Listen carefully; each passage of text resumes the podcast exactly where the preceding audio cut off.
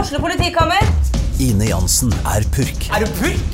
Alt jeg vil, er å finne ut hva som skjedde med mannen min. Jon Carew, Er jeg sikta for noe? Iben Akeli, Det er du. Ole So, Lars Berrum og Big Daddy Karsten. Hvem sin side er du på, egentlig? ja? Anette Hoff, Tone Danielsen, Kommer du fra Afrika? Jørnis Josef, Nesten. Kløfta. Trond Espen Seim, Det er synd å si det, men det var feil mann som døde. Purk. Premiere tirsdag på TV2 Play. Ok. Skal jeg til introen, da? Ok. En, to, tre, fire Fire menn. Nei, det var- nei. Å nei. Le- Let me do my thing. Jeg Jeg trodde du skulle tulle med synkinga. jeg. Nei, nei, nei. Det- Dette, dette er introen. Dette er introen. Det var jo det som åpenbart var vitsen vår. Ja. OK, go, go again.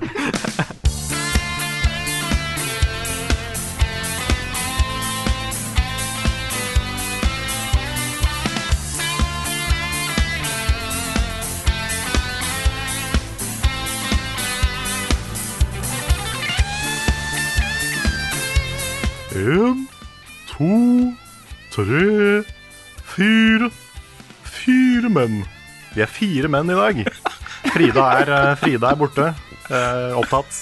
Så eh, Nick, Svens, Rune og jeg sitter på kontoret. På kontoret. På kontoret kontoret. Mm. lager podkast. Likte dere min eh, veldig tidsaktuelle eh, Bjarne Betjent-impression? Jeg vet ikke hva det der Ja, det er- refererer til. Jeg, Karl. Nei, det er Sesam Stasjon. Å, det Å, er ja. Sesam Stasjon. Ok. Er Mm, det, Riktig, er, riktig. Kanskje det er før min tid. Ja, det kan hende. Ja, min tid Bjørnebetjent, er- han rosa. Hæ? Han rosa. Bjørnebetjent. Ja, Bj- Bjarne Betjent. ja. Nei, jeg vet Han ikke. likte å telle og likte å ja, bli forvirra av verden. For jeg, jeg trodde det var noe tippereklame eller et eller annet. Å ja. Ja, ja, nei. Jeg er så gammel at min, mine referanser er jo de der sort-hvite animasjonsfilmene Pompel og med Pilt og sånn. Pompel- ja, men med, med, med Mickey Mouse. Ja. Steamboat Annie og Mm. eller Steamboat uh, Willy. Willy. Well, Well, eh. Neida, Pompel og Pilt var liksom min. Creepy barndom. og alt, altså. Jeg hadde bing og bang, jeg. Det, var- det var tyr. Bing og bang. Ja. Hva er det for noe? Aner ikke.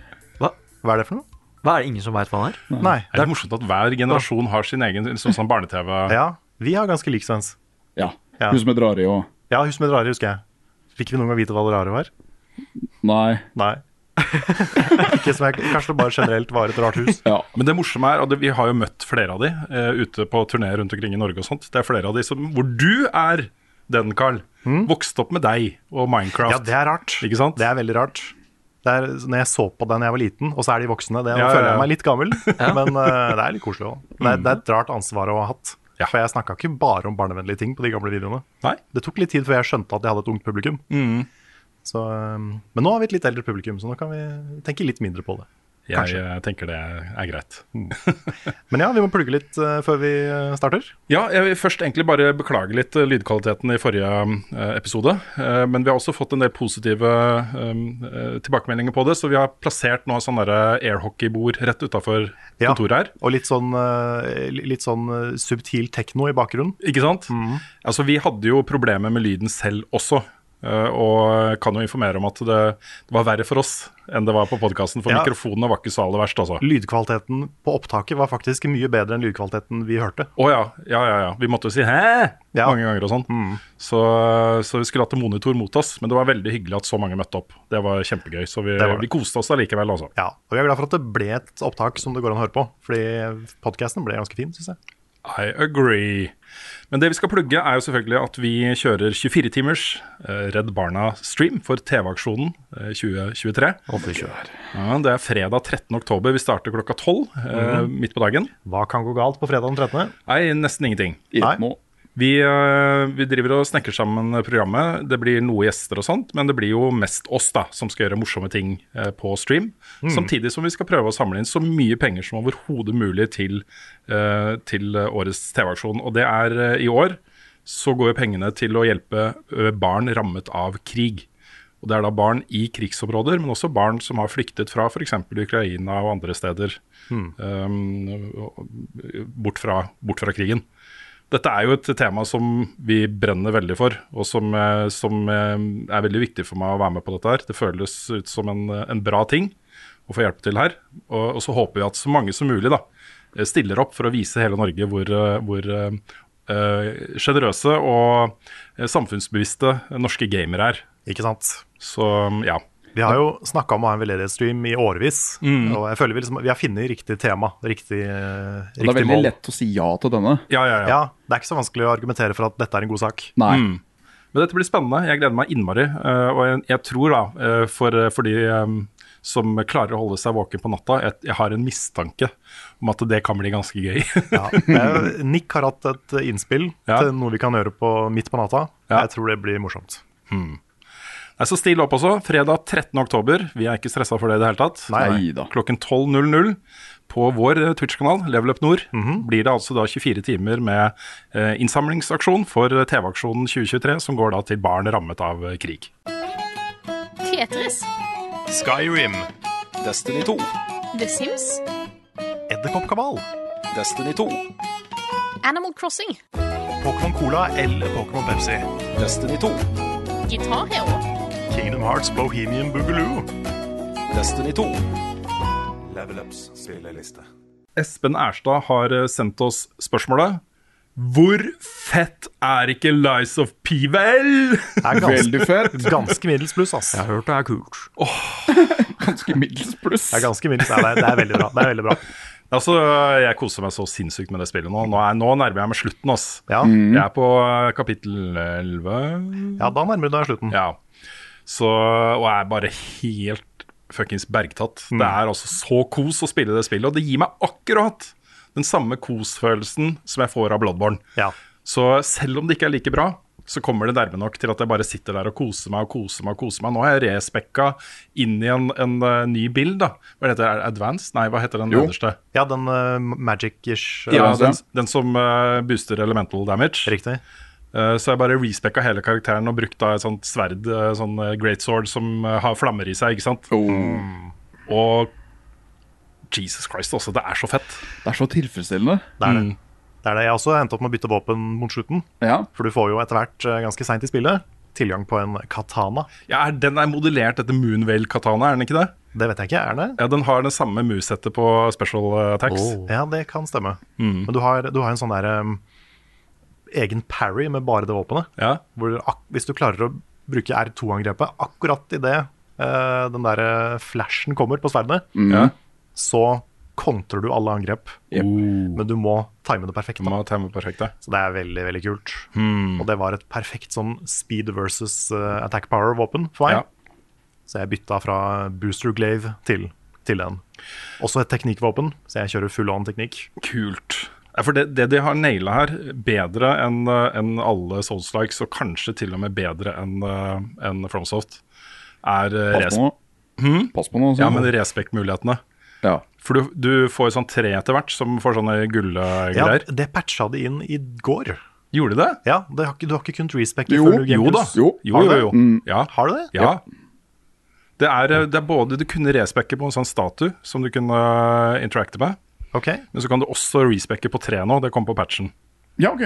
Hmm. Ja, det er nok nytt. Ja, for, det var det, jeg mener det. Ja, det Ok, er så fordi, du kan respecte før du Game Plus? ja, ja, ja, ja. ja. Ja. Ok. Eh, og det har jeg gjort nå to ganger.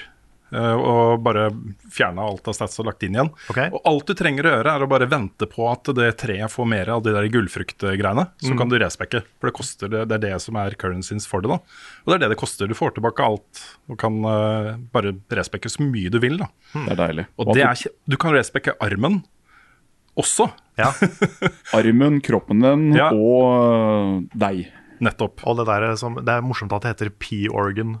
Ja. Det er- Keyboardet. Yes, the P-organ. Det, det kan du vel også respecte, kan du ikke det? Jo. Ja, stemmer. Ja, for Altså- det, er- det er jo den hvor du legger inn quartz og abilities Ja. og sånt. Ja. Og der er det, der er det så, så mange muligheter til å teste ut forskjellige typer builds. Og så hvis du skal da kjøre inn i, i elemental damage-build, så kan du respekke hele den og så bare legge inn alt som støtter opp under det. ikke sant? Nå gikk vi skikkelig in the weeds med en gang. Ja. Eh, Lies of P det er et Pinocchio Bloodborne-spill. Ja. Ja. Det, er, eh, vel- det følger veldig formelen til Vi snakka litt om det forrige uke. ja. Men det følger jo ekstremt formelen til, eh, til Souls, Ja, og det gjør det. spesielt Bloodborne. Spesielt Bloodborne. Du har til og med det der regain helsesystemet, hvor hvis du tar skade, så kan du få litt liv tilbake igjen av å være aggressiv. Ja. Um, og det skjer også når du blokker, det er jo litt nytt her. ja. At du, du mister liv når du blokkerer. Mm. Med mindre du perfekt blokker. Da mister du ikke liv. Litt Sekiro style. Ja, men da hvis du slår tilbake igjen etter å ha blokkert, så får du det livet tilbake. Da. Nettopp. Og Det, er- det syns jeg er en litt sånn kul vri på det regain-systemet. Og det faktum at eh, du har jo så og så mange sånne healing-ampulje-greier. Men er du tom, så kan du slå deg tilbake en til. Ja, det er helt sant. Jeg har også hørt, det skjønte jeg ikke da jeg så det i spillet, men at det fins en ability på den derre P-organ som lar deg automatisk få de tilbake. Over tid. Ja, det, det stemmer.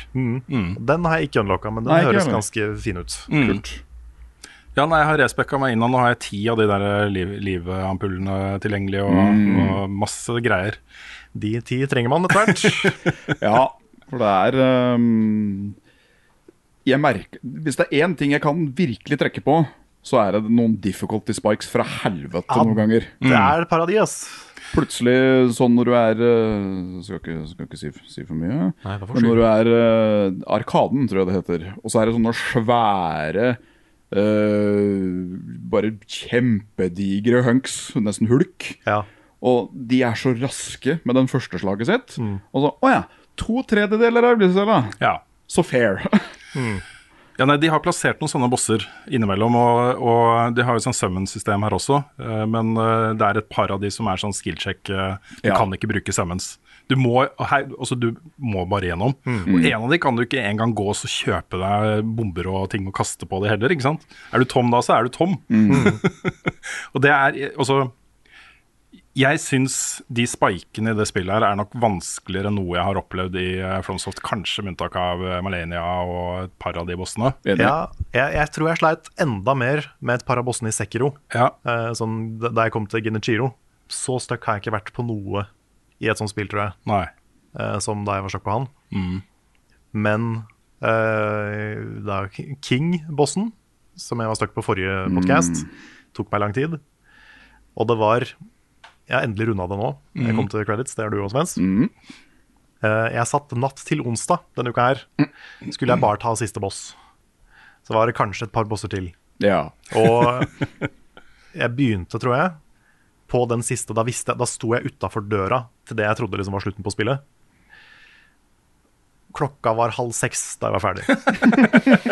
Jeg kunne jo ikke legge meg uten å ta posen. Åh, jeg kjenner Sånn meg så godt igjen, ass. Jeg måtte, jeg måtte få credits. Der var, jeg var så innbitt. Jeg kunne ikke stange i fire timer og så ikke klare det. Mm. Ja, For det, det lurer jeg på en ting. Eh, når du liksom kommer til det som tydeligvis er siste bane Nå mener jeg ikke boss, men bane. Var det bare jeg som begynte å bli litt mett før den var ferdig? Jeg begynte å kjenne det litt. Altså, der, Ja. ok, nå har jeg vært her ganske lenge. Ja. Nå er jeg klar for å komme til siste boss, liksom. Ja, For det var veldig sånn derre Å, nå er du snart ferdig, vet du.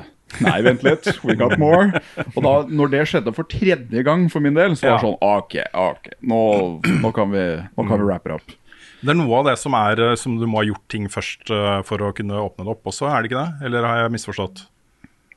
For Jeg har hørt at det er noen optional bosser helt på slutten hvis du gjør en ting jeg husker ikke, jeg vet ikke hva det er, altså, men Ja, du, du kommer til å skjønne hva du må gjøre for å få den siste bossen. Ja, riktig, skjønner. Det, Det Mm. er en moon presence i spillet. Å ja, ok. Ja. Um, jeg har um, Jeg har et eh, tips, da. Eh, det, jeg vet ikke om folk egentlig vil høre tips om hvordan ting kan bli litt lettere.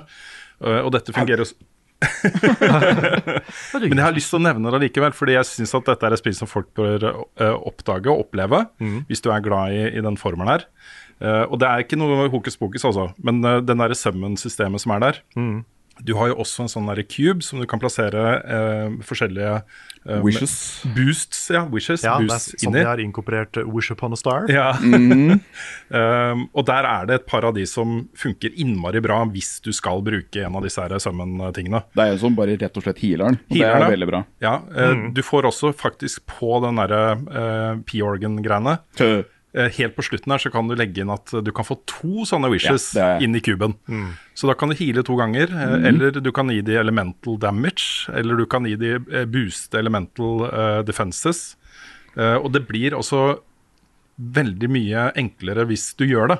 Fordi eh, bossene tar ofte aggro på de du har med deg, ikke sant. Ja, Og da kan du stå der og pælme ting på bossen, mens de tar damagen, ikke sant. Men Var det bare jeg som blei flyvende forbanna av hvor idiot den der sømmen er fra Titan?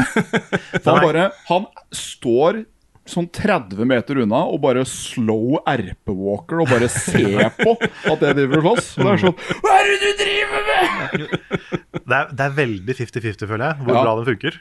Fordi jeg har jo I starten så var jeg sånn der OK, jeg skal klare disse bossene uten summons. Mm. Det måtte jeg slå fra meg etter hvert, for det ble så vanskelig. Mm. Um, men jeg merker at sånn en, ett forsøk, så får jeg liksom litt ut av summonen før han dør med en gang. Andre ganger så overlever han hele kampen Ja, Mm. ja. og bidrar hele veien. Så det, det, det er litt sånn coinflip. Ja, det er det. Men når den er dum, så er den veldig dum. Ja, det er det. Men er ikke det life, liksom? Jo, det er life. Det er litt life. Og det er bare Å, se, se så kul jeg er. Slow walker. Mm, er du walker, yeah, yeah. Ja, men veldig fint hvis du blir med, altså. Det er Men det er én ting som jeg savner litt i det spillet her, Ja. og det er mer, flere hemmeligheter. ja. Fordi jeg, jeg sjekka etter at jeg hadde runda spillet. Sånn, jeg har helt sikkert missa masse svære områder, akkurat sånn som det alltid er i Souls. Men det hadde jeg ikke. Nei, det er ikke Jeg noe hadde optional. funnet mer eller mindre alt i hele spillet. Ja. Og det, det var litt skuff. Jeg skulle ønske det var flere at det var noen hemmelige bosser, for det er ikke egentlig noen særlig hemmelige bosser. Nei. Og at det var eh, litt mer sånn ting å oppdage som var litt sånn godt gjemt. da I- Bak en krok så var det et svært område. Altså den type ting, da. Jeg skjønner inn, innsigelsen. Eh, Jeg har en sånn, jeg også. Eh, For eksempel så er jo eh, eh, from, også Bloodborne er jo mye bedre på å ha eh, områder som går i hverandre. Og 'Å, er vi her', liksom? Mm. Eh, Kom, ikke sant? Hemmelige veier og inn og ut, og det, alt henger sammen. da. Dette er mer sånn brettbasert. Ja. Men jeg Eh, syns de er flinke allikevel. Ja, for poenget mitt er at dette er et bitte lite team Mm. som har innsett sine begrensninger på hva de kan få til eh, bra. Og så har de fokusert sylskarpt på de tingene de vet de får til. Eh, og så har det blitt så bra som det har blitt. Mm. Og så kunne det ha blitt bedre med et større team, mer erfaring, alle disse tingene. Men, eh, men dette er på en måte Jeg blir bare imponert Mm. over hva de har fått til med de ressursene de har, og, og de tingene. ja. Dette er et team som jeg vil at skal lykkes, på en måte. Samme her, Dette samme her. Mm. er sånn det første spillet deres, i hvert fall det første store spillet deres. Og de har så åpenbart talent. De er, så- de er bedre enn alle andre Ja, på fordi- å kopiere Flomsoft. Ja. Fordi det er så mange Souls-likes nå, Mm. og alle har noe ved seg. Men dette er uten tvil det Souls-liket, bare sånn av alle, som fanga magien til Bloodborne. Mm. Og det er bare Bloodborne som føles som Bloodborne, Mm. Ja, men- bortsett fra Lysopi. Og bare tenk å være et så lite team Ja. som har så lite erfaring, Ja. og så lager de, lager de noe som er nesten like bra som et av tidenes beste spill. Ja. Mm. Det er ganske sjukt. Ja, det er helt vilt. Det er helt fenomenalt, Og så faktisk. har de jo kommet med et eh, utrolig flott bidrag til cosplayere verden over også. Det er så Det har mye de. kule kostymer og masker og ting som er relativt lett å få til. Egentlig. Det er sant. Jeg fant et, Det er ett kostyme du bare finner hvis du bruker en gesture på et veldig spesielt sted. Ok. Den brukte jeg gjennom nesten hele spillet. Ja. Mm. Det, var, det ser litt Bloodborne ut, kan være derfor. Jeg har et par av det også. Jeg har en som har en kappe på ryggen. Ja, Og, den Alchemical Cloak eller hva det heter for noe. Ja, Mm. Den den- er veldig kul. Det er uniformen sin, det. Du begynner jo med ganske sånn kjipe kostymer. Ja. Mm. De første du får, er litt sånn tullete. Jeg, jeg syns den der, jeg synes liksom den, der, den eh, matrosdressen jeg synes den var litt eh, Ja, litt sånn sjarmerende. Donald Duck. Ja. Ja. Mm. Ja, det er litt fin. Men eh, de blir jo gradvis kulere, da. Ja. Og så er jo Pinocchio veldig kjekk, da. ja, så han, han, er, han er bare genuint dritpen. Han er Ja, han er en dreamy, rett og slett. veldig, veldig pen boy. Ja, Ja. Utrolig, altså. Jeg, jeg blir veldig fascinert av hvor, eh, hvor flott han er å se på, Ja. eh, faktisk. Ja. Nei, men han er, han er en veldig pen ung mann. Mm, Så stort sett så kjører jeg uten maske, faktisk. Jeg, jeg Ja. kjørte aldri maske. Nei, ikke jeg heller. Jeg kjørte aldri noe på huet generelt. Nei. Du kan, du kan, jo, ha, ikke- så- du kan jo ha sånn der eh, vei, veiarbeidhatt. ja. Det er sant. VLC Media Player på huet. Det må jo ha vært en nod til Pinocchio, tror du ikke det? Jo, det tror jeg. Den gule hatten. Ja, ja, ja, ja. Men det er jo litt sånn smart eh, Jeg har tenkt litt på det mens jeg har spilt det. At den- vi, vi tenker jo ofte mest på Disney-versjonen av Pinocchio. Mm. Men Pinocchio er jo en ganske fucka historie. Å ja. Den, er jo, Mm. den er jo faktisk like mørk og dyster og fæl som dette spillet. Ja, det starter jo med traume til Gepetto og, og sånne ting. Det er jo alt, det, alt kommer jo fra det. Jep. Ja. Og jeg, nå har jeg ikke sett eh, Del Toro og Pinocchio. Å, men jeg skal- den er jeg så skal gjøre trist. Den er så utrolig mørk og trist. Men den har jo litt av det her. Ja, har men den ikke veldig det? fin. Ja, For den har litt av den der mørke delen. Ja, ja, ja. Ja. absolutt. Nei, det var eh, Starten av den er litt sånn derre eh, eh, up. Ja, Følelse. Ah, ok, Å, såpass. ja. gud. Å, gud. Uff, her skal, jeg bli, her skal jeg forberede meg. Det er Men det er- ingen film som har fått meg til å grine så fort som jeg. Nei, jeg vet det, jeg vet det. Men Nei, de den er, første- kommer veldig nære oss. første ti Mm. minuttene av Up er noe av det beste jeg har sett noen gang. Og noe av det mest intense. Ja. Ja, det er veldig bra. Så vi liker Pinocchio, da. Vi, li- vi liker Lies of P. Altså. Ja. Det er et, eh, vi skal anmelde den, Svens. Det skal vi. Vi får ta et lite, eh, lite brainstorming-møte på hvordan vi gjør det. Det gjør vi. Nå som jeg er gjennom. Yes. Men eh, Begynn på runde to. ja, jeg må også begynne på runde to. Mhm. Når, eh, det siste jeg vil si, da Ja. eh, Nå skal jeg være litt forsiktig med hva jeg sier. Ja. Er at eh, du får en viss idé om hva dette teamet kommer til å gjøre videre. Ja. Når du er ferdig med det spillet. Å ja, du gjør det, ja. Mm. Du får Ja, det er noen hint. Du får noen hint. Og jeg gleder meg veldig til å se hva Det gleder jeg meg også til å se. Ja, hvis, de, hvis de får til den train of thoughten som Pinocchio har begynt, Ja. da blir dette et veldig kult univers. Rett dette og slett. kommer til. Jeg, jeg, jeg gleder meg til å se hva disse folka Så vil gjør. jeg bare si én siste ting. Det våpensystemet i Lies of P det er noe av det kulere jeg har sett. Ja, Det er så fett. At du kombinerer handles og Ja, ja, ja. Ja. For du har jo funnet mange ganger et våpen som du liker skikkelig godt, med et movesett, Mm. men det har kanskje ikke den scalinga eller damagen du vil ha. Det kan du fikse sjøl. Du kan det. Ja, det er kjempestilig. Du kan jo både bytte handle og crank.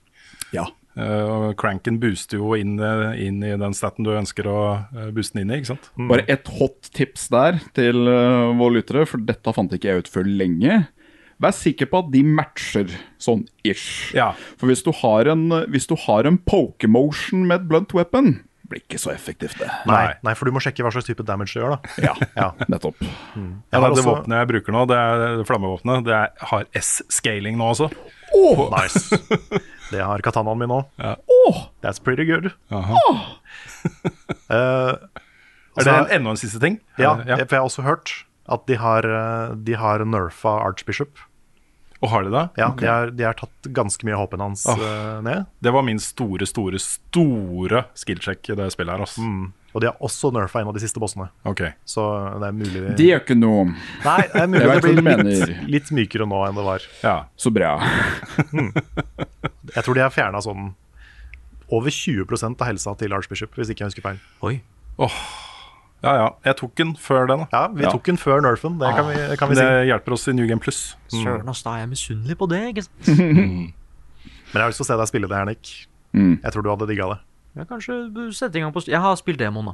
Så Ja. jeg har tatt to bosser. Mm. Ja. Men øh, igjen, det var demoen. Jeg har ikke prøvd det ordentlige spillet, så kanskje, kanskje prøve det på en stream. De første timene der. Det er, eh, det er en bra stream.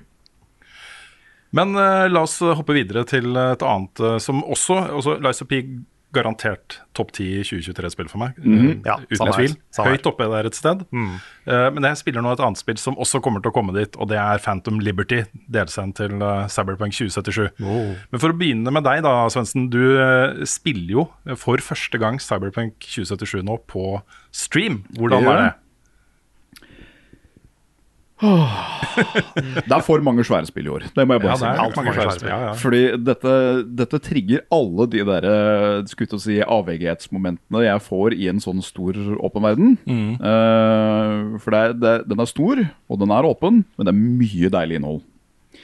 Eh, og nå har jeg jo Dette er vel tredje session som vi spilte i går.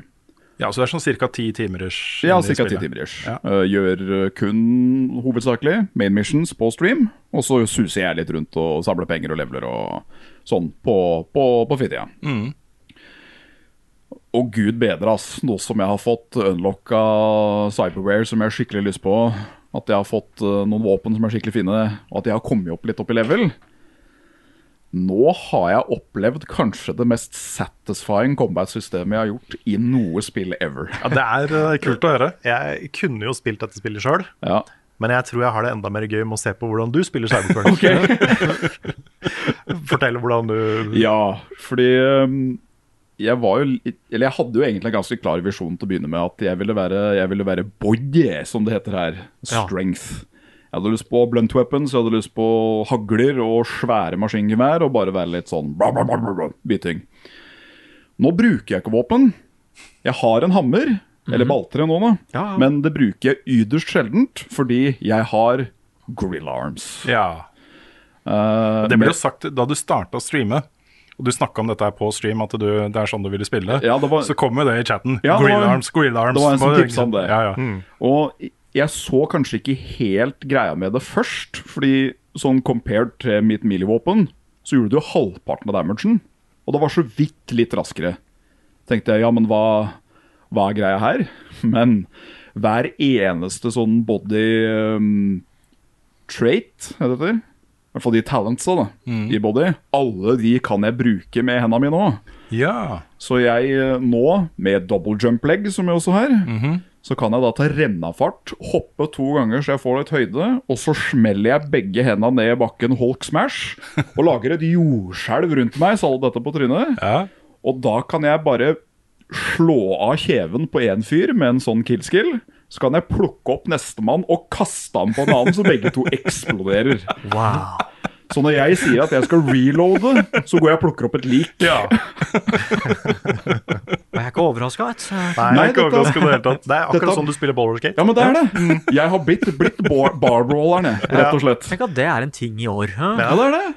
Og det er så tilfredsstillende. Vi har jo kategori på eh, Level Up Wars, beste våpen. Ja, best, ja, beste, beste våpen. Det beste er- spill for å kaste folk på andre folk. Det er en eh, Ikusaba, han eh, bounceren på Clouds. Han hadde akkurat stor nok heft til å kunne lage masse damage når jeg kastet han. Det var så bra i det- det streamet du hadde i går, hvor du, du, du hadde en sånn her fighting tournament eh, quest. To, faktisk. Ja, og du kom til liksom The Champion, Ja. som blir bygd så mye opp. Og eh, han er litt sånn tøff sånn gangsterfyr, snakker litt sånn sp- semispansk. Ja. Og eh, sånn hope you're deep in the hole», eh, altså, et, et I eller annet put my sånt. car on the line. sånn. Ja. You better match. Ja, ja, det, det blir bygd så mye opp. Og, og så bare før de rekker å si go, så er det bare «Pum!» og, så, og så går det liksom fem sekunder, og så ligger han eh, helt sånn ødelagt. Ta reddafart og løper med, med albuen inn i trynet på han. Slår han fire ganger, og så ligger han der. Ah, I give! Ja.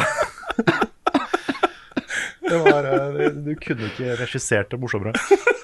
Det, at det var jo en mission da som hadde litt sånn emotional verdi. Der hvor eh, hun Bertha i skranken sier at ja, som safety precaution så må vi deposite våpna dine. Og da bare slår jeg jo tydeligvis på armen òg. Ja, men det er greit, det. Det er så juks. Eh, Dette spillet her, Svendsen, har jo eh, vært gjennom litt av en reise, da. eh, Det er jo skjønt. For å si det forsiktig. Eh, Da det ble lansert, så, så var det jo store problemer både på PC, men i hvert fall på eh, PlayStation og Xbox. Eh, ting har blitt fiksa. De kom nå med 2.0-oppdateringen som du spiller, Mhm. eh, i forkant av eh, DLC-en. Ja. Du har holdt deg helt unna. Sånn, eh, på litt sånn generelt eh, Når du betrakter liksom din opplevelse med Cyberpunk 2077, 2077, hvor vil du plassere det i liksom konkurransen mot andre store åpen verden-rollespill nå? Et av de aller beste. Ikke sant? Ja, kult. Uten tvil. Jeg, altså, jeg, syns, jeg syns jo det spillet her var dritbra på lansering også. Jeg hadde ikke så mye problemer med det Nei, nei, nei. Som, som mange andre hadde, og levde meg ordentlig inn i den verden her. Dritkule side missions, dødskult kampsystem, dritbra rollefigurer, masse Mm. Ikke kult minst. content. Um, men jeg, jeg spiller jo dette nå, jeg også, og blir jo sånn Hvis det hadde blitt lansert sann da det kom ut, så hadde folk snakka om det som et av tidenes beste spill. Ja, det tviler jeg ikke på. Og det er, det er så bra det er, altså. Fordi jeg er egentlig ikke sånn Jeg er ikke sånn veldig sci-fi-nøtt, sånn egentlig. Alltid vært mer Swords and Shields, Dragons-type. Men dette er kanskje en av de kuleste verdenene jeg har vært i. Bare sånn bare fra et estetisk eh, standpunkt. Det å se alle fargene, hvordan det er bygd opp, hvor jævlig fancy det er. Til bare hvordan verden fungerer. Det er bare så lekkert. Og jeg spiller bare på high i grafikk. Ja. Ja. Så Nei, men det er et eh, interessant univers. ja, ja, ja. Mm, du har Jeg en kan- sek sekvens hvor du går tilbake og, s- og, og spiller som Johnny Silverhand helt i starten av spillet. Ja. Og da er jo året 2023. Ja, ikke sant? det var veldig rart. Eh, jeg har allerede eh, Jeg gleder meg allerede til min andre playthrough. Rett og slett fordi at nå, nå er jeg bare byting. Nå, nå er jeg, jeg er the weapon. I am the danger. I am the one who knocks. Ja. Eh, men her òg, som med Baldur's Gate og alle andre sånne store åpne spill, det er jo hvordan du vil takle hver eneste ting. Gjøre akkurat hvordan du vil sjøl. Ja. Jeg fikk en side mission der jeg skulle, jeg skulle hjelpe noen, øh, noen, noen munker. Han, de hadde blitt øh, lemlesta mot sin vilje av sånne punks, og blitt gitt augments. Og det er strengt ulovlig i deres religion. Så da måtte jeg finne broren, som var da nestemann. Eh, og da sa han bare at vær så snill, ikke drep noen. Fordi deres, deres øhm, judgment er ikke for oss å gi ut. Da tenkte jeg ok, nå skal jeg for første gang prøve å være stille. Det gikk fint, det, vet du. Det òg var veldig tilfredsstillende. Så Mm. nå Ja. gleder jeg meg til den der Super Psyops eh, megahack eh, Mm. Bertha, som jeg skal lage nummer to. Åh, det er kult, ass. Jeg trenger ikke å hacke, jeg da. Nå kan jeg bare rive opp dører. Ja, nei, for, for tingen er jo litt sånn at øh, hvis du skal dele inn øh, måter du kan spille dette spillet på, så har du jo noen hovedkategorier. Og Det ene er liksom store våpen og hagler og sl slag og alt dette her. Bare brute force deg gjennom. Eh, Du kan også spille det som et litt mer sånn tradisjonelt FPS, og da mener jeg at liksom oppdragsstrukturen og det du gjør, designet av campaignen i det spillet her, er liksom noe av det beste innen skytespillsjangeren jeg har opplevd. da. Ja. Um, og så kan du bli en hacker, og så stealth ninja-type spillbarhet. Mhm. Og alle, alle de måtene å spille på er fett, liksom. Og sin egen opplevelse. Nettopp. Um, og så er det jo da tre forskjellige uh, alignments i dette spillet også, så du kan jo da gjøre én per alignment, kanskje, ikke sant? Ja, for det må jeg si jo at det å bare fly rundt i Night City og eie byen, det er, det er veldig tilfredsstillende. Men de isolerte, litt mer isolerte, store setpisene, som Mm. er veldig storedreven, gud, de er, eh, de er lagd med omhu, altså. Ja, Det er helt fantastiske. Jeg hadde jo sånn, eh, Da jeg anmeldte spillet og spilte det før lansering, så spilte jeg på en sånn måte hvor jeg gjorde en del sideoppdrag i starten. Og utforska byen og sånne ting. Og så eh, på et punkt så bare OK, nå kjører jeg main story. Så litt sånn som meg òg, da. Ja, for jeg tror nok det kanskje farga litt også mitt helhetsinntrykk av spillet. Fordi de er så godt designa og har noen så utrolig kule vendinger. Eh, og det skjer jo noe ganske tidlig i spillet som påvirker på en måte resten av historien. Når Johnny Silverhand kommer inn og denne eh, sykdommen hun får og disse Mm. tingene, liksom. Som gir på en måte eh, spillet et veldig sånn historiedrevet fokus. Så hvis du velger bare å følge den, så får du en veldig spesifikk opplevelse. Som det er lagt ned utrolig mye arbeid i. Eh, Men dette er altså en så kul verden å utforske, så jeg koser meg skikkelig nå med ny playthrough. Ja, det er helt vilt. Og da kan jeg jo eh, ta- ta det gradvis over i Phantom Liberty, som jo ble lansert nå denne uka her. Mm. Eh, og det er jo et oppdrag som du får tilgang til sånn, jeg tror det er sånn rundt en tredel ut i main-campaignen. Ja, for jeg, jeg har den i journalen min, men han Og du har sier det. få cred, står det rett og slett. Ja, riktig, Bli riktig. en big shot. Er ikke kul nok. Nei, er ikke Er kul ikke kul nok. nok. Det er for du får en telefon fra en netrunner som heter Songbird, som Ja. ber deg om å komme til eh, inngangen til en, en ny bydel. da. Eller den har jo vært der hele tiden, men nå har du tilgang til den. Som heter Dogtown. Som Mm. er sånn, eh, det er sånn svært eh, gjerde rundt. Åh. Eh, Ingen kommer inn, ingen kommer ut. Nei, ok, ingenmannsland. Mm. Ingenmannsland. Eh, Med masse vakter og, og sånne ting, da. Ehm, Så kan du da velge å gå rett på den hvis du vil. Så jeg gjorde faktisk det. Jeg skal ikke fullføre uh, delscenen som det. Jeg kommer til å gå tilbake og ta den karakteren jeg har laga, liksom. Eh, men eh, jeg ville se hvordan det starta, så jeg har spilt nå de første par-tre timene av, eh, av den. Og det er altså så sjukt bra skrudd sammen. Så utrolig godt driv i historien. Og det starter jo med at eh, noen fra Dogtown da, eh, hacker eh, Air Force One, flyet til den amerikanske presidenten, og får det til å krasjlande i Dogtown. Å, fuck. Og Songbird vet dette, ikke sant? Vet at flyet har blitt hacka, og hun jobber for den amerikanske presidenten. Og rekrutterer deg, da, eh, til å hjelpe til. Og hun, Songbird er en samme type rollefigur som eh, Johnny Silverhand. Hun er ikke egentlig faktisk til stede, men hun er til stede som en sånn her presence, da. Mhm. Um, så derfor trenger hun deg. Og det er også så fett. Du flyr inn her, sniker deg inn ikke sant? og redder presidenten og masse vakter og kule sånne kjempegreier som kommer og, og masse eksplosjoner og stealthing og sniking og nye våpen og eh, helt nytt skill-tre og masse greier, da. Hmm. Um, jeg tror det nye skill-treet bare kan utvikles i Dogtown. Jeg husker Ok. ikke helt. Oi, det husker ikke jeg. Det er en sånn egen Du kan finne noen sånne der eh, stasjoner rundt omkring som gir deg perk points inn i det nye skill-treet. Eh, men det er mulig at de også ligger andre steder. Da. Men det som er litt eh, viktig å nevne med eh, den delscenen, er at hvis du gjør den, så får du eh, en mulighet til å få en ny slutt på hele spillet. Oi! Ja, det så jeg. Ja, så du påvirker på en måte hele spilleopplevelsen ved å gjøre delscenen. Så du bør, du bør gjøre delelsen først, da. På en måte. Ja, du, du bør ta den når du kan, tenker jeg. Du kan, Ah. du kan gå inn med en karakter du allerede har fullført spillet med. eh, være OP, liksom. Eh, du kan lage en ny karakter. Da får du bare random eh, sett med eh, skill points og, og, sånt. Den har lagd en karakter for deg, liksom. Um, og har liksom et sett eh, med våpen og, og sånne ting. Men jeg anbefaler å starte en ny karakter, spille til du kan gå dit, og så Hmm. Ehm, gjøre, gjøre den delscenen. Um, og det er en jeg, Så langt så er dette her fullt på høyde med de beste historieoppdragene fra grunnspillet. kult. Det lover bra. Kan du fortsatt få originalslutten etter at du har gjort DLC-en, eller må du velge den? Det vet jeg ikke. Det har jeg på, på en måte litt med vilje holdt meg litt unna også, da. Hmm. Mm. Fordi eh, originalt har jo spillet også to slutter. Er, Ok. det, ikke, er det ikke to, Nick? Det er fire, faktisk. Fire slutter. Ja. Mm. Eh, og jeg tror nok ikke de har fjerna de, eh, Nei. hvis jeg skal gjette, da. Men eh, det er nok en del valg du må ta underveis, da, som, eh, som påvirker eh, hvilke slutter du kan få, Mm. vil jeg tro. Men dette er Dette er så bra spill kan få blitt for meg, altså. Det er eh, Hvis man er glad i åpen verden, eh, rollespill og, og eh, cyberspace, eh, neon, eh, eh, visuell eh, stil Mm. Altså, herregud. Mm. Det er så bra. Det, de har lagt ned så mye arbeid i dialog og rollefigurer og, og innlevelse i det spillet her. Altså, jeg blir helt matt. Ja.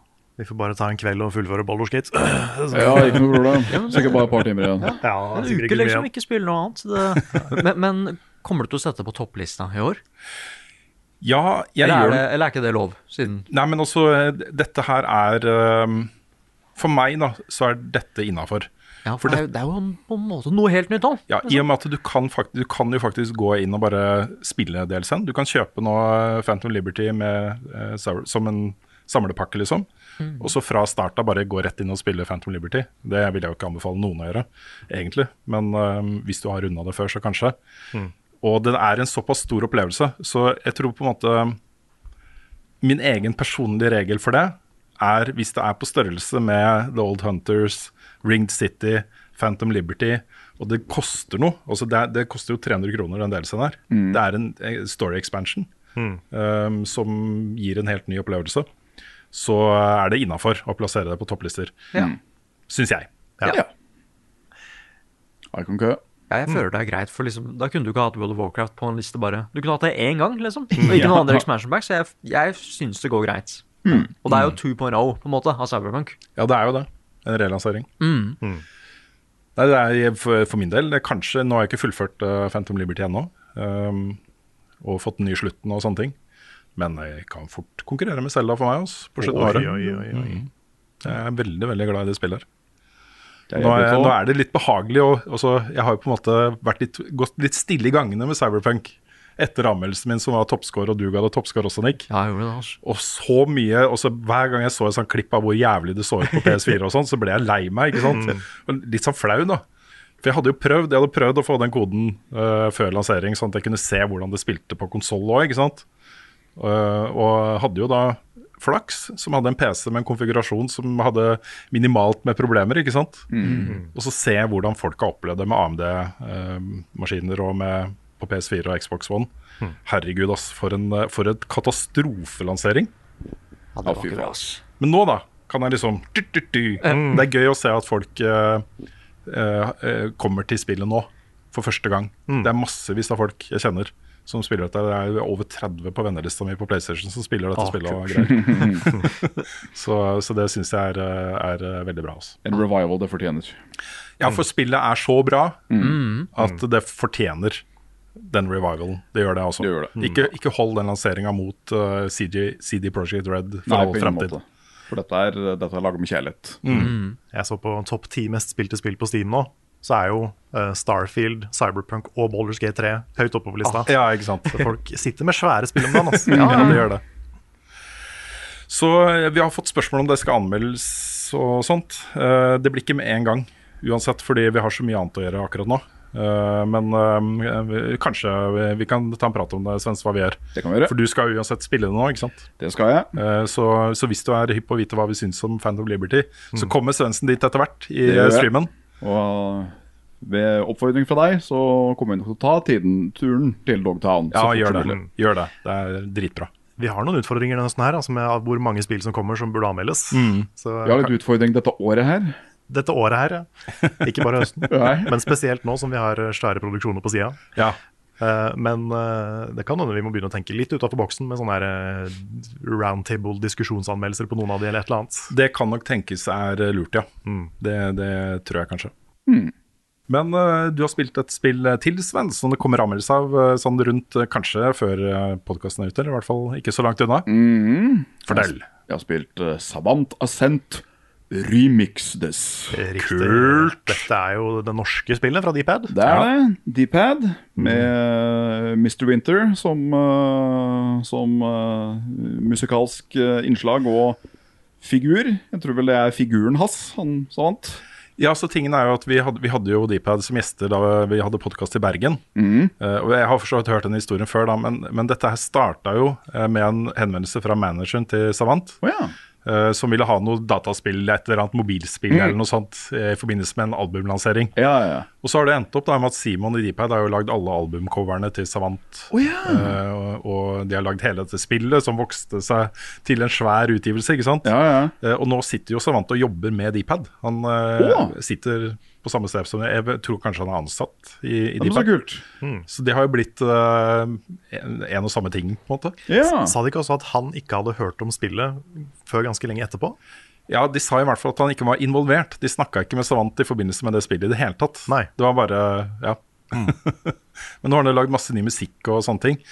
Dette spillet er jo en, en sånn, Det er ti år siden det spillet ble lansert. Mm. De satte seg ned for å bare lage en liten remaster, og så har de um, utvikla den ganske Kraftig, ja. Ganske kraftig. Eh, hva Det- syns du? Det er litt mer enn bare et fresh coat of paint, selv om det ser veldig lekkert ut. Jeg kan ikke bare understreke hvor tidløs bra pikselgrafikk er. Det er noe, mm, noe veldig tilfredsstillende med det, altså. Mm. Og det blei plutselig en veldig sånn konkurrent eh, årets soundtrack for, eh, for spillindustrien, føler jeg. Ah, kult. Jesus Christ. Og så ble jeg så overraska.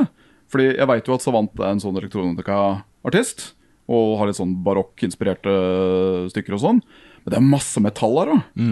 Masse metall! Eh, jeg liksom fikk litt sånn Dragon Force-vibber inni der plutselig kom det. Og så var det noe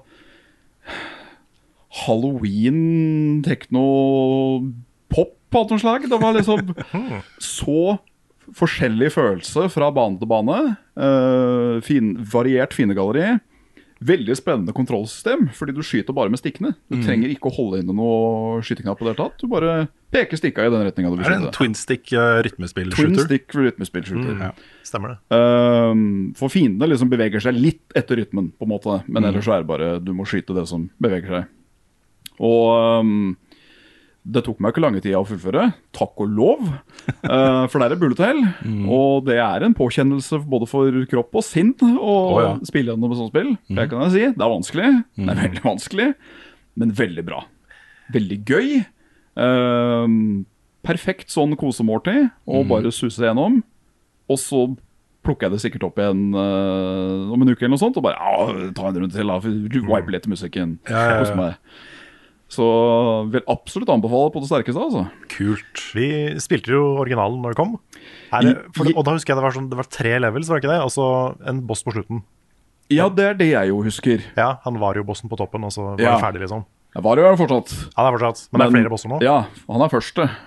Å ja. Så det er mye mer? Mye mer. Og han er, han, han, han er enkel. Veldig enkel i forhold til eh, hva du møter etter hvert.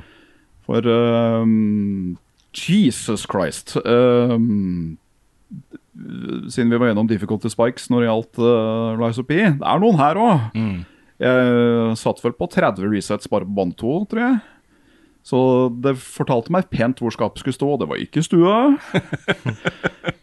Men eh, nei, for akkurat hva det er, så syns jeg egentlig det er perfekt. Så kult. Det eneste jeg har å virkelig nitpikke på det, og det er nitpikking, men dette er et spill som går fort. Du vil at det skal gå fort.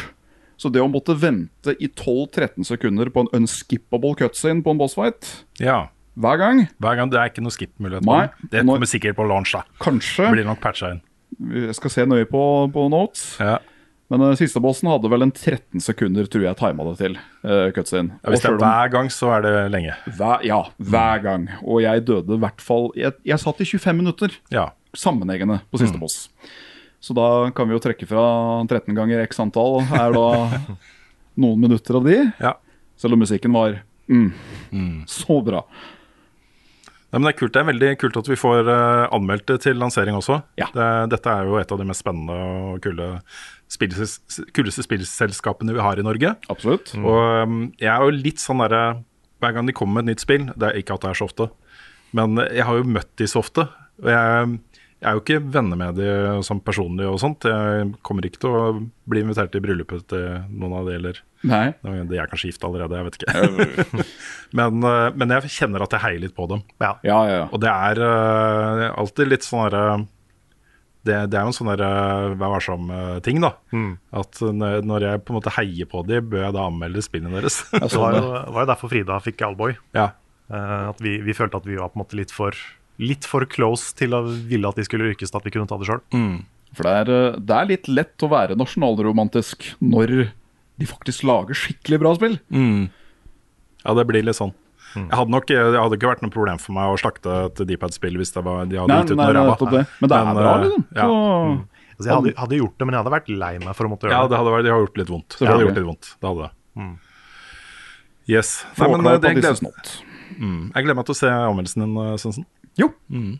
Og så gleder jeg meg til å se anmeldelsen din av Starfield, eh, Nick. Nå begynner det vel å nærme seg? Å nei, nå, nå sa han det også. Jeg, jeg, det har tatt så lang tid. Men eh, ja, jeg kan, jeg kan være veldig rask da, eh, før jeg bare snakker kjapt om Starfield. Det er jo ikke tominutterspill, så det at det ikke tar to dager å anmelde det, det Det er sant. Pluss at eh, ja, ja, altså, Jeg er ganske effektiv når jeg spiller nå, altså. Liksom. Men eh, jeg, jeg, jeg, jeg, f- jeg føler at eh, jeg vil ikke være den anmelderen som spilte noe for lite.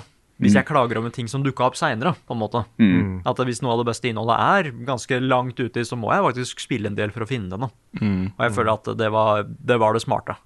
Jeg er over 100 timer nå, og fortsatt Oi. finner jeg noen ganske heftige ting. da. Og du har ikke treffet rulleteksten? Nei. Wow. Jeg har, eh, selv om nå, nå vet jeg at jeg er på slutten av historien, Mm. men jeg bare Do my thing! Finner nye systemer.